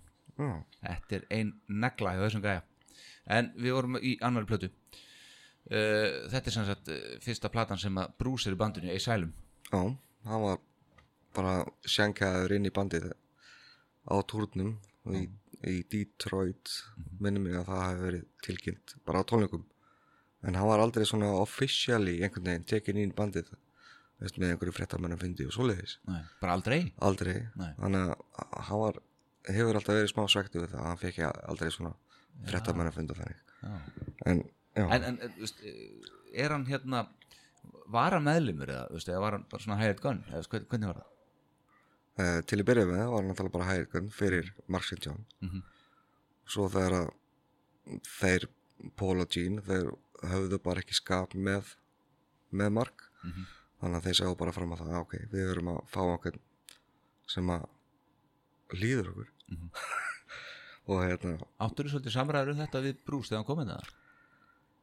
Já, pínu sko, en hann er náttúrulega mjög diplomatískur sko. Mhm. Hann lætur yfirleitt ekki, hann segir ekkert slæmt Nei, um Pólitín. nei. Sko. Sama hvað, þetta er hans lifibröð sko. Já. það er bara slúðis hann að þú getur glimt í að reyna, reyna einhverja svoleiðspýtingar sko. já, einmitt En já, hann var bara fenginn inn og það var það sem að Pól og Gene vildu. Veist, Þetta er bara maður sem að mætir á réttum tíma, gerir sitt rétt og, og, og hann að... er að- góður, er góður, mjög góður frábær gítalegari sennilega aðeins betur en bróður sinn í þessu Já, en talandi um bróðar hans, Bob Kulik, hefði hann farið inn í þetta ef hann hefði haft hár? nei, líklega ekki sko Nei. En einhverstað las ég einhvern tíðan eða viðtal við Bob eða eitthvað að hann sagði rauninni bara bent á bróðu sinn, bara, já, þeir, þeir bræður voru að túra með, með Meatloaf Mm. á setni hluta 8. áratössis Mhm. og hérna og náttúrulega Bob hafði þessa tengingu við Kiss já, og náttúrulega bróður hans var þessi rosalega góðu gítalakari þannig að uh, Bob færi aldrei inn í Kiss en hann benti á bróður sinn hann er rosalega góður og hann er með hár já, þannig að hann er kandidat í þetta sko já, og hérna þegar hann var að túra með Kiss og, og hérna þá sagði Pól við hann ekki klippa á harfarið þú verður áfram þannig að um mitt, þannig, já. Þannig byrjaði brús í vandinu.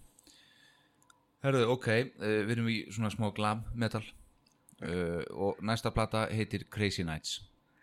já, Kemur út í september 1987, þannig maður sem heitir Ron Nevison já, að taka það upp tekin upp í Hollywood uh, Crazy Nights auðvitað Bang Bang You, No No No Já. Reason to Live þetta eru uh, öll lögin sem að á þessar plötu voru tekin af af hérna live listónum sko Men, voru, spiluðu ekkert þessi lög aftur nema að Crazy Nights var tekin á hotinni Shade-turnum og svo bara aftur í Sonic Boom já, já þeir, þeir hafa ekkert spilað þetta nei en hvernig finnst þér þessi plata? þetta er ágætt plata sko. hún er bara voðalega mikið, mikið pródusserið sko. náttúrulega Ron Nevison þær byðu eftir honum í heilt ár til þess að fá að, til þess að pródusserið blötu Já, Ah, hvað var hann að gera? ég, akkurat núna, það manni ekki alveg hvað það var en hann var allan búin að gefa sér gott orð þannig að þeir ákvaða að býða eftir honum til þess að gefa sér blötu og, og hann setur svolítið mikið syn- synthesisera í þetta Já, og hérna og, veist, orgel, piano og svona dót það var hann hljómborð bara já, Já. þannig að það er svo sem það er ágætt á sinnhátt Já. en kannski ekkit endilega á kissblötum sko. Nei, akkurat. En þeir komið til Íslands á þessum túr og Já. spiluðu í reyðhöllinni Viðdal 30. ágúst 1988 fyrir 6.000 manns já, og ég skoðaði setlistan þér og það var frábær setlisti. já, já byrja á, hvað var það á Detroit og var það svo í No No No og svona, Já.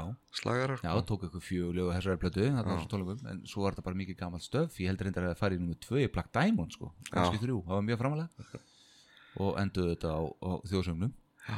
En hérna, uh, skal ég segja þér, platan eftir þessu, það er Hot in the Shade. já, 89 í oktober þegar gefið þér að flesta plötur út í septur og oktober, ég tekið því já, það er Gene Simmons og Paul Stanley aftur að prótisera já, ef að pródúsera má kalla það einmitt, þetta er svo því sérstök plata hvað það varðar, já, í rauninni er þetta bara menn að spara demo sem að þeir svona flíku aðeins upp á og já, sett út á blötu já, og allt og mörg demo líka já, þannig að veist, þetta hefði verið fín plata Já. ef hún sko það er 15 lög á blötunni Mm. ef þetta hefði verið 10 lög á plata þá hefði þetta sloppið já. er 15 lög á henni 15 lög á hann já, og og náttúrulega náttúrulega kom út á plötu og náttúrulega held ég geisladisk líka þá já, einmitt það virkaði vel á geisladisk Já. en alls ekki á plötu þetta var allt og mikið kompressað þannig að hljómurinn var alveg agalegur sko. já, þannig að það einhvern veginn virkaði aldrei fyrir mig en það náttúrulega eru sleggjur á sér plötu já, eins og eins og Hide Your Heart já, og já, allavega Rise to it já, miðurst að gott lag, Boomerang og svona hún er ekki gott líka og, og þannig er náttúrulega Michael Bolton slagurinn Forever Forever já, já, sem já, hefði sko eins og Hardlock Woman fyrir Rod Stewart hefði þetta smelt passa fyrir Michael Bolton vissulega og þetta, þetta alveg bjargaði allan að þessari blötu já, Eh, Í sölu? þessi singull alveg, alveg seldist alveg ógrinni sko. já, þannig að þetta er mjög góð ballaða já, fyrir þennan tíma sko. já og Little Caesar, Eric Carr já, já, það er fyrst getur sem hann syngur á stúdíuplötu já, allavega já, að hann hafi tekið upp á árið áður á sma, Smashes, Thrashes hitt Já, á, á einmitt. svingan Beth akkurat þannig að það er er eina það bara nokkuð vel, já, já, Ekki ágætlega. Peter, en nei, nei, hann, hann eðilaði þetta ekki hann, nei, nei.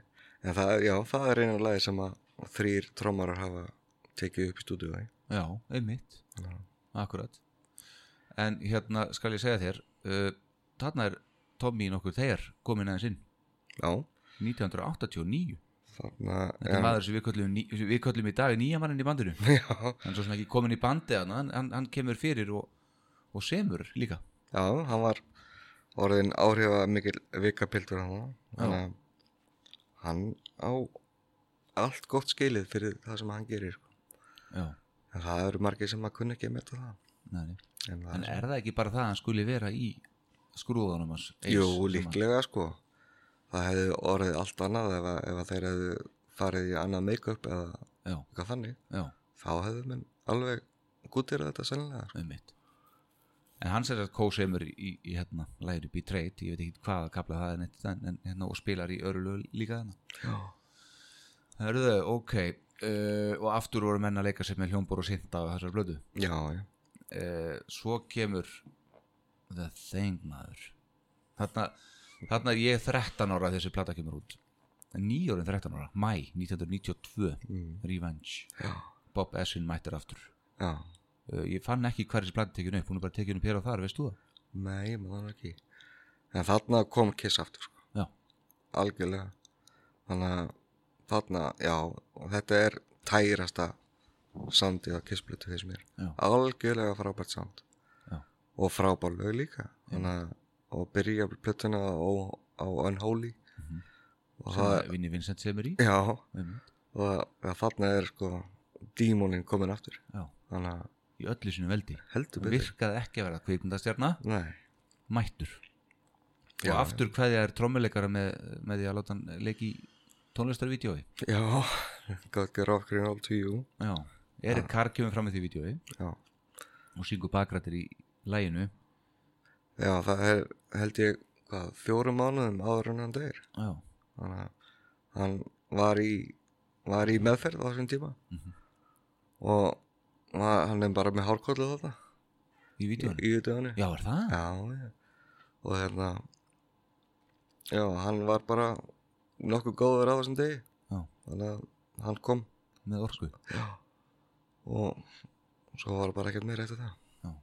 fyrir miður einmitt en uh, Erik Singer, hann trómar allar plötuna fyrir utan eitt lag já, sem er Take It Off það er endur Kevin Valentine sem trómar það en Erik Carr trómar ekkert á þessa plötu en, en hérna, maður hefur séð svolítið í, í, á netinu að Erik Carr uh, gekk nú ekkert allt og sáttur frá borðið hana, rétt áður en hann dó nei Eh, það er kannski veikindi sem hafa eitthvað með það að segja en, en honum fannst hann aldrei einhvern veginn vera meðtekinn innan kiss Mhm.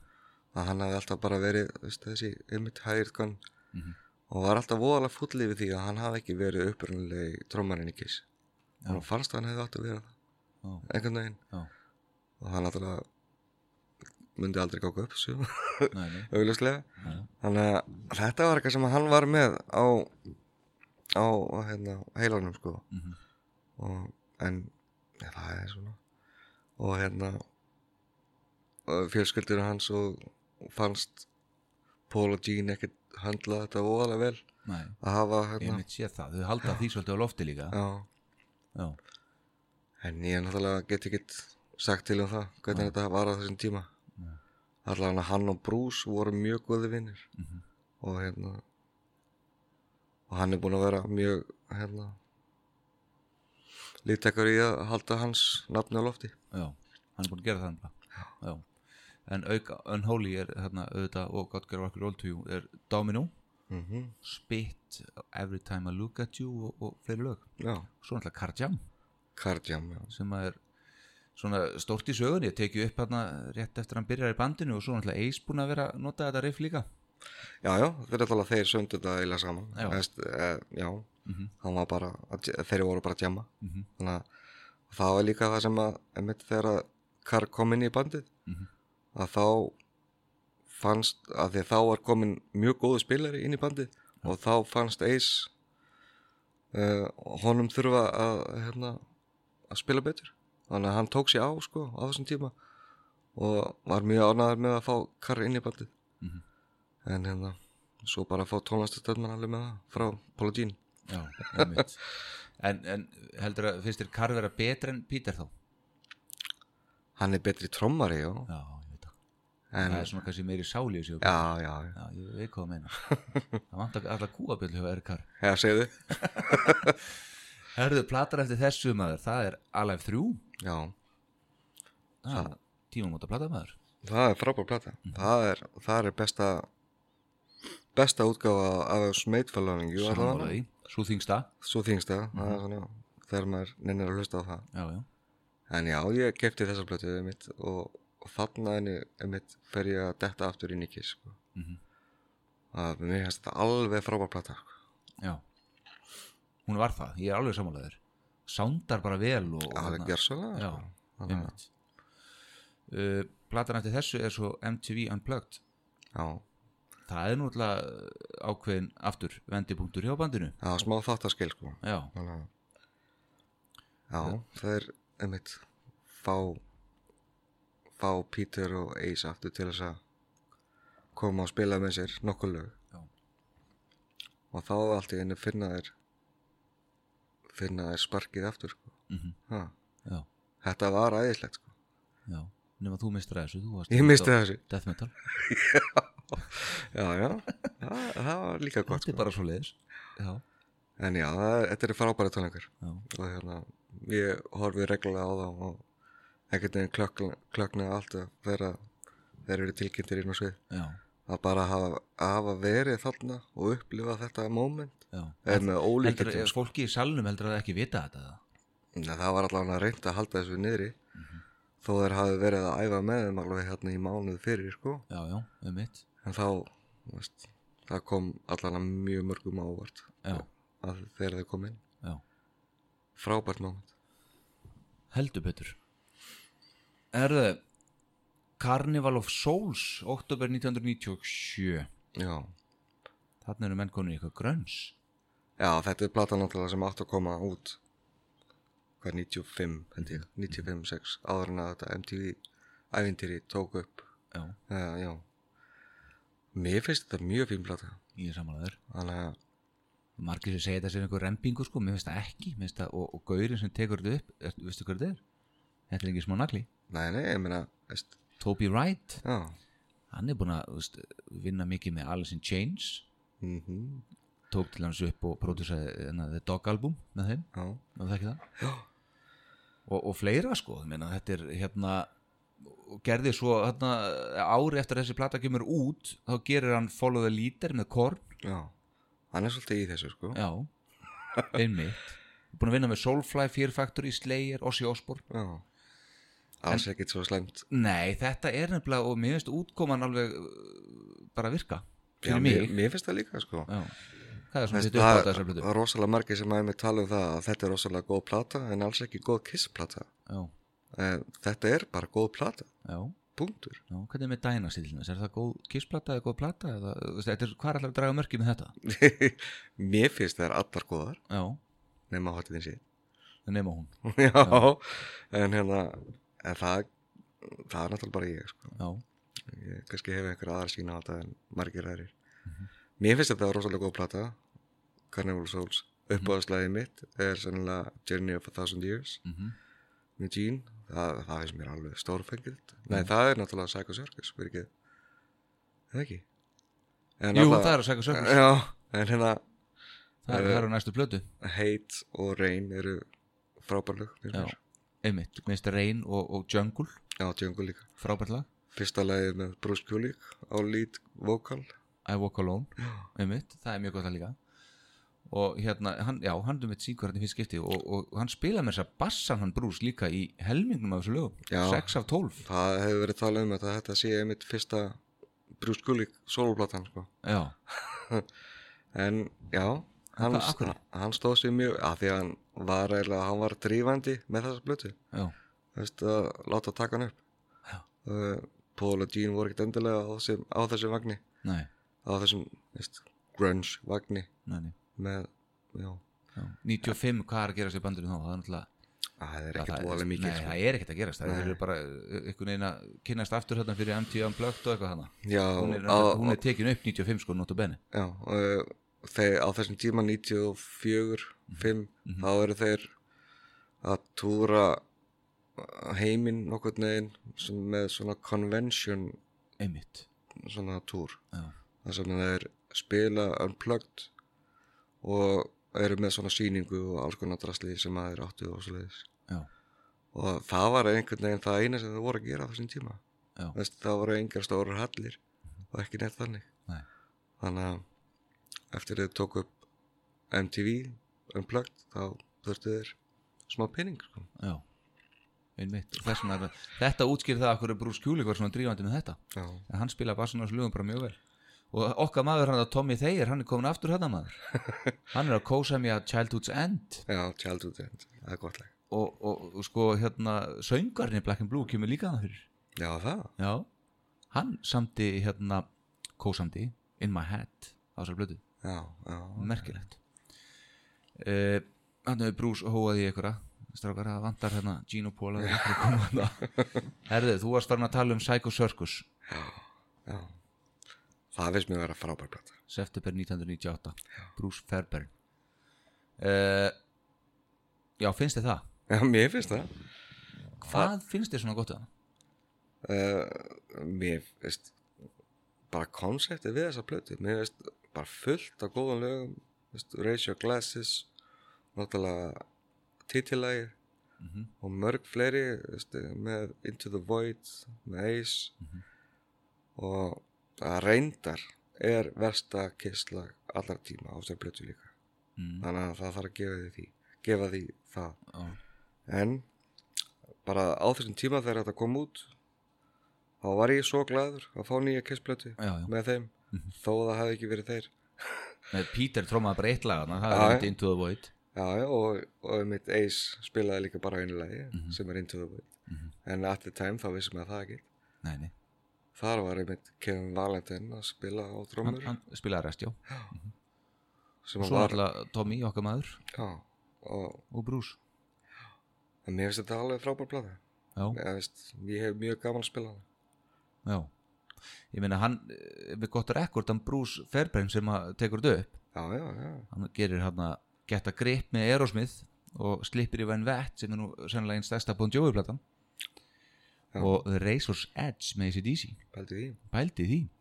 Og svo, til þess að toppa þetta, Loverboy með Loverboy. Já, Turn me loose, maður. við mann getur því. Því hver mann ekki að því En svo deyr hann 1999 þessi maður Já, Árið síðar bara rétt eftir. Já. Þannig að, John Anderson kemur á hann Söngarinn í Yes Hvað, veistu hvað hann dó? nei, En svo þurfum við að býða í ansi mörg ár Hóklið næsta plata kemur já, þarna voru þau bara, Reyndar á milli kemur Kiss Symphony Við erum kannski, við erum kannski aðeins að fara við það já, já, það má, má alveg, sko. Já, Og alveg ógrinni af sablötun líka, sko. já hellugur af því Já, Áðum förum í Sonic Boom sem kemur í oktober 2009 Skulum taka aðeins hérna Kiss Symphony Já. Melbourne Symphony með David Campbell Já. Hvernig fannst þér það? mér fannst það ekki nóg gott. Þið fannst það ekki nógu gott? Nei. Uh, af því að Destroyer er ekkert alveg mín uppáðsplata. Mm. En þeir taka fyrstu sex lögin á symfóni eru Destroyer lög. Mhm. Þetta hefði einmitt verið frábært moment til þess að spila lög af The Elder. Mm -hmm. Þeir eru með heila þannig orkestru og fullt af lögum sem að á The Elder sem að hefðu passað. Mhm. En nei, Nei. tökum bara Destroyer, Já mest minglis. Já, hún virkaði vel hægt einu sinni Já, uh, og þetta er náttúrulega fyrsta, þannig séð, og fyrsta gigið hjá Tommy Thayer Já, sem meðlumur Kiss. já, einmitt Eis nefndi þessu ekki. Nei. Já. og Svo náttúrulega endalisar endalist vesen með hérna einhverja greiðslur og upphæður Já, já, já. Þó að, já, Peter kom hann tilbaka, hann spilaði þarna. En já, þetta var 2003, var það ekki? Jú, Já.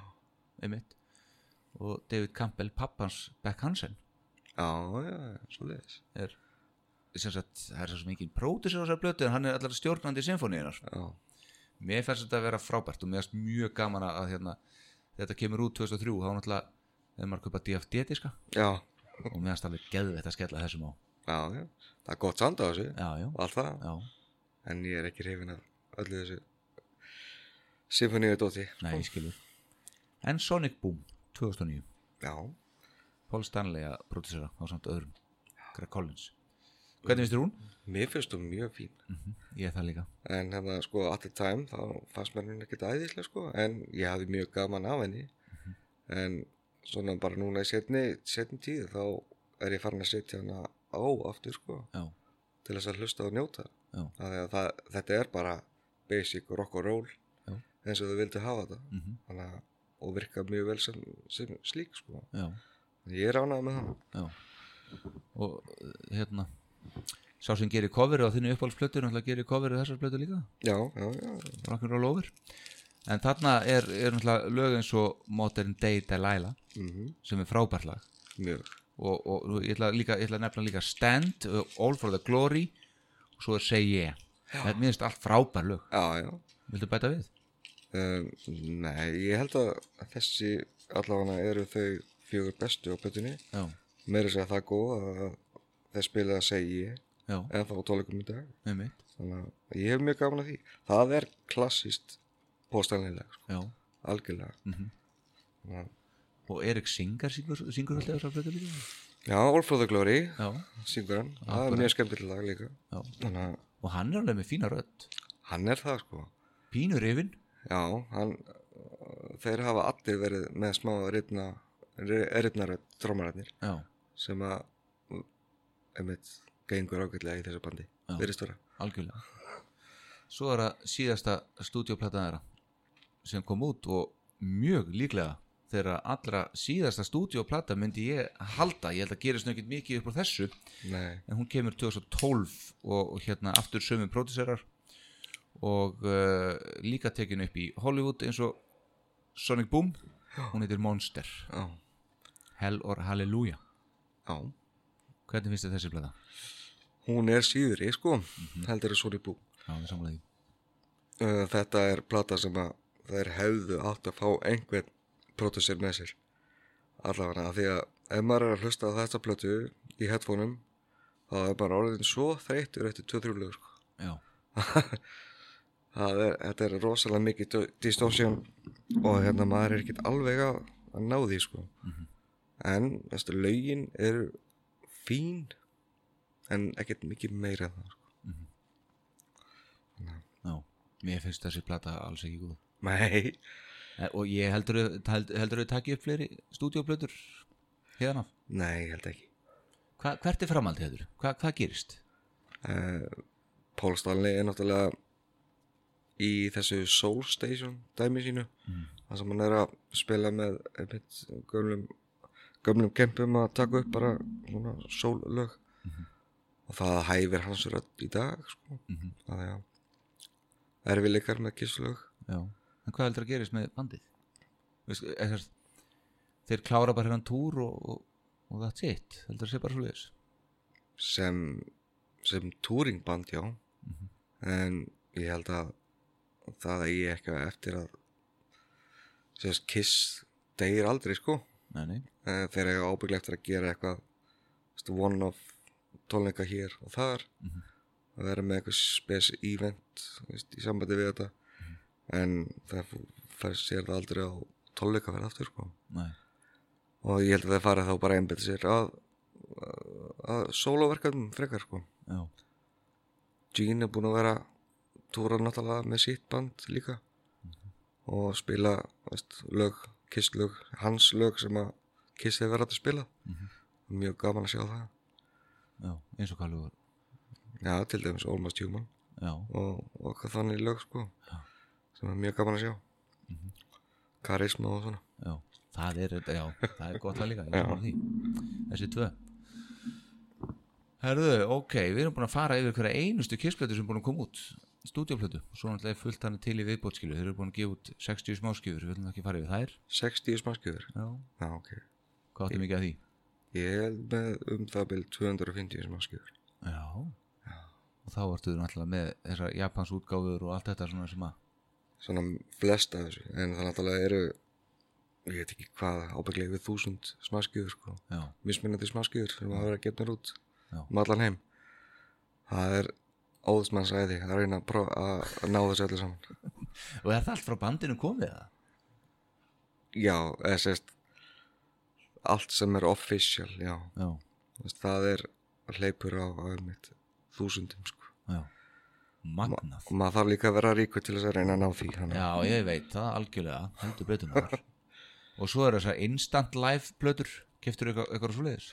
já, Já, ég veit það var, var það 2004 sem þau gerðu það Nei, 2008, Nei, 2008, já ég og eina síðan þá einmitt. já, ég mitt kefti þegar ég fór einmitt í Köpen Já, og svo í varstu í Berlín fórum? já, ég var í fórum Varstu á þessum tónleikum við saman það, ég? það voru fyrstu, fyrstu kistólingarnir mínir Mín líka, já þannig að- hvað segir þannig að já, En það var sa- skemmtilegt venjú, bara tíus manns inni Þetta, þetta var svona temmilega lítið já, og svo sá ég sko það var mjög skemmtileg ferð við fórum ég og Beggi og, og Andris félagið mínir fórum, á, fórum á Kiss í fórum Mhm. svo kerðum við niður til Þýskalands fórum á Rock am Ring Já, stólinstæratíðina þar og sjáum alveg fullt af böndum þar á með Metallica og fleiri Já.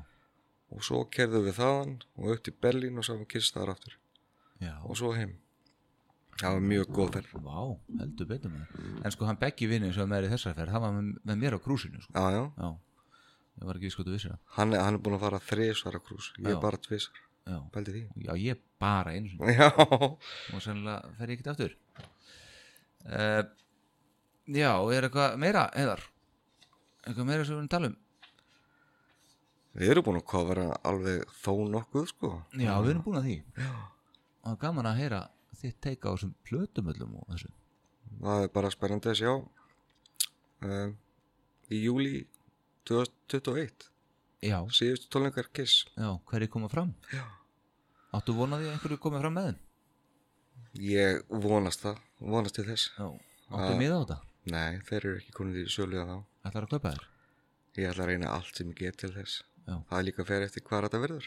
Hvort það verður inni tólingar, Madison Square Garden eða, Er það ekki gefið? eða bara úti tólingar í, í hérna, í garðinum góða. Central Park? Já, Já, vá. það þetta var, er það var það sem að Gene sagði á sínum tíma Já, að hérna, þegar þeir myndu að hætta, þá ætlaði hann að halda síðustu tólingana, fría tólinga í Central Park. já, sæll. En, maður veit ekki. En ert að fara á- eitthvað út á tólinga núna á næstri? Nei, ég fór, við fórum núna síðasta sumar, þá fórum við til Englands og fórum að sjá það í, í London og Manchester og svo komaði náttúrulega aftur núna til Európu við þetta, þetta sumarið, þannig að ég er ekki búin að ákveða hvort við förum þangað eða ekki, eða ég farið. Já. Það er svona, var, var lokapunkturinn á því að fara síðasta sumar, Já. en maður veit ekki. Já, svo vill maður alltaf aðeins meira. Já, já, já, já. Að því að svo verður þetta ekki hægt að daginn, sko. Nei, nei, það er náttúrulega verður og svo er það alltaf að framleikið eða eitthvað sko Já, maður er búin að gefa lofari, ok, þetta verður í síðaskipti þetta verður í síðaskipti já, við konuna. já, Já, já, ég en kannast við þetta. þetta verður alltaf erfiðara og erfiðara Já.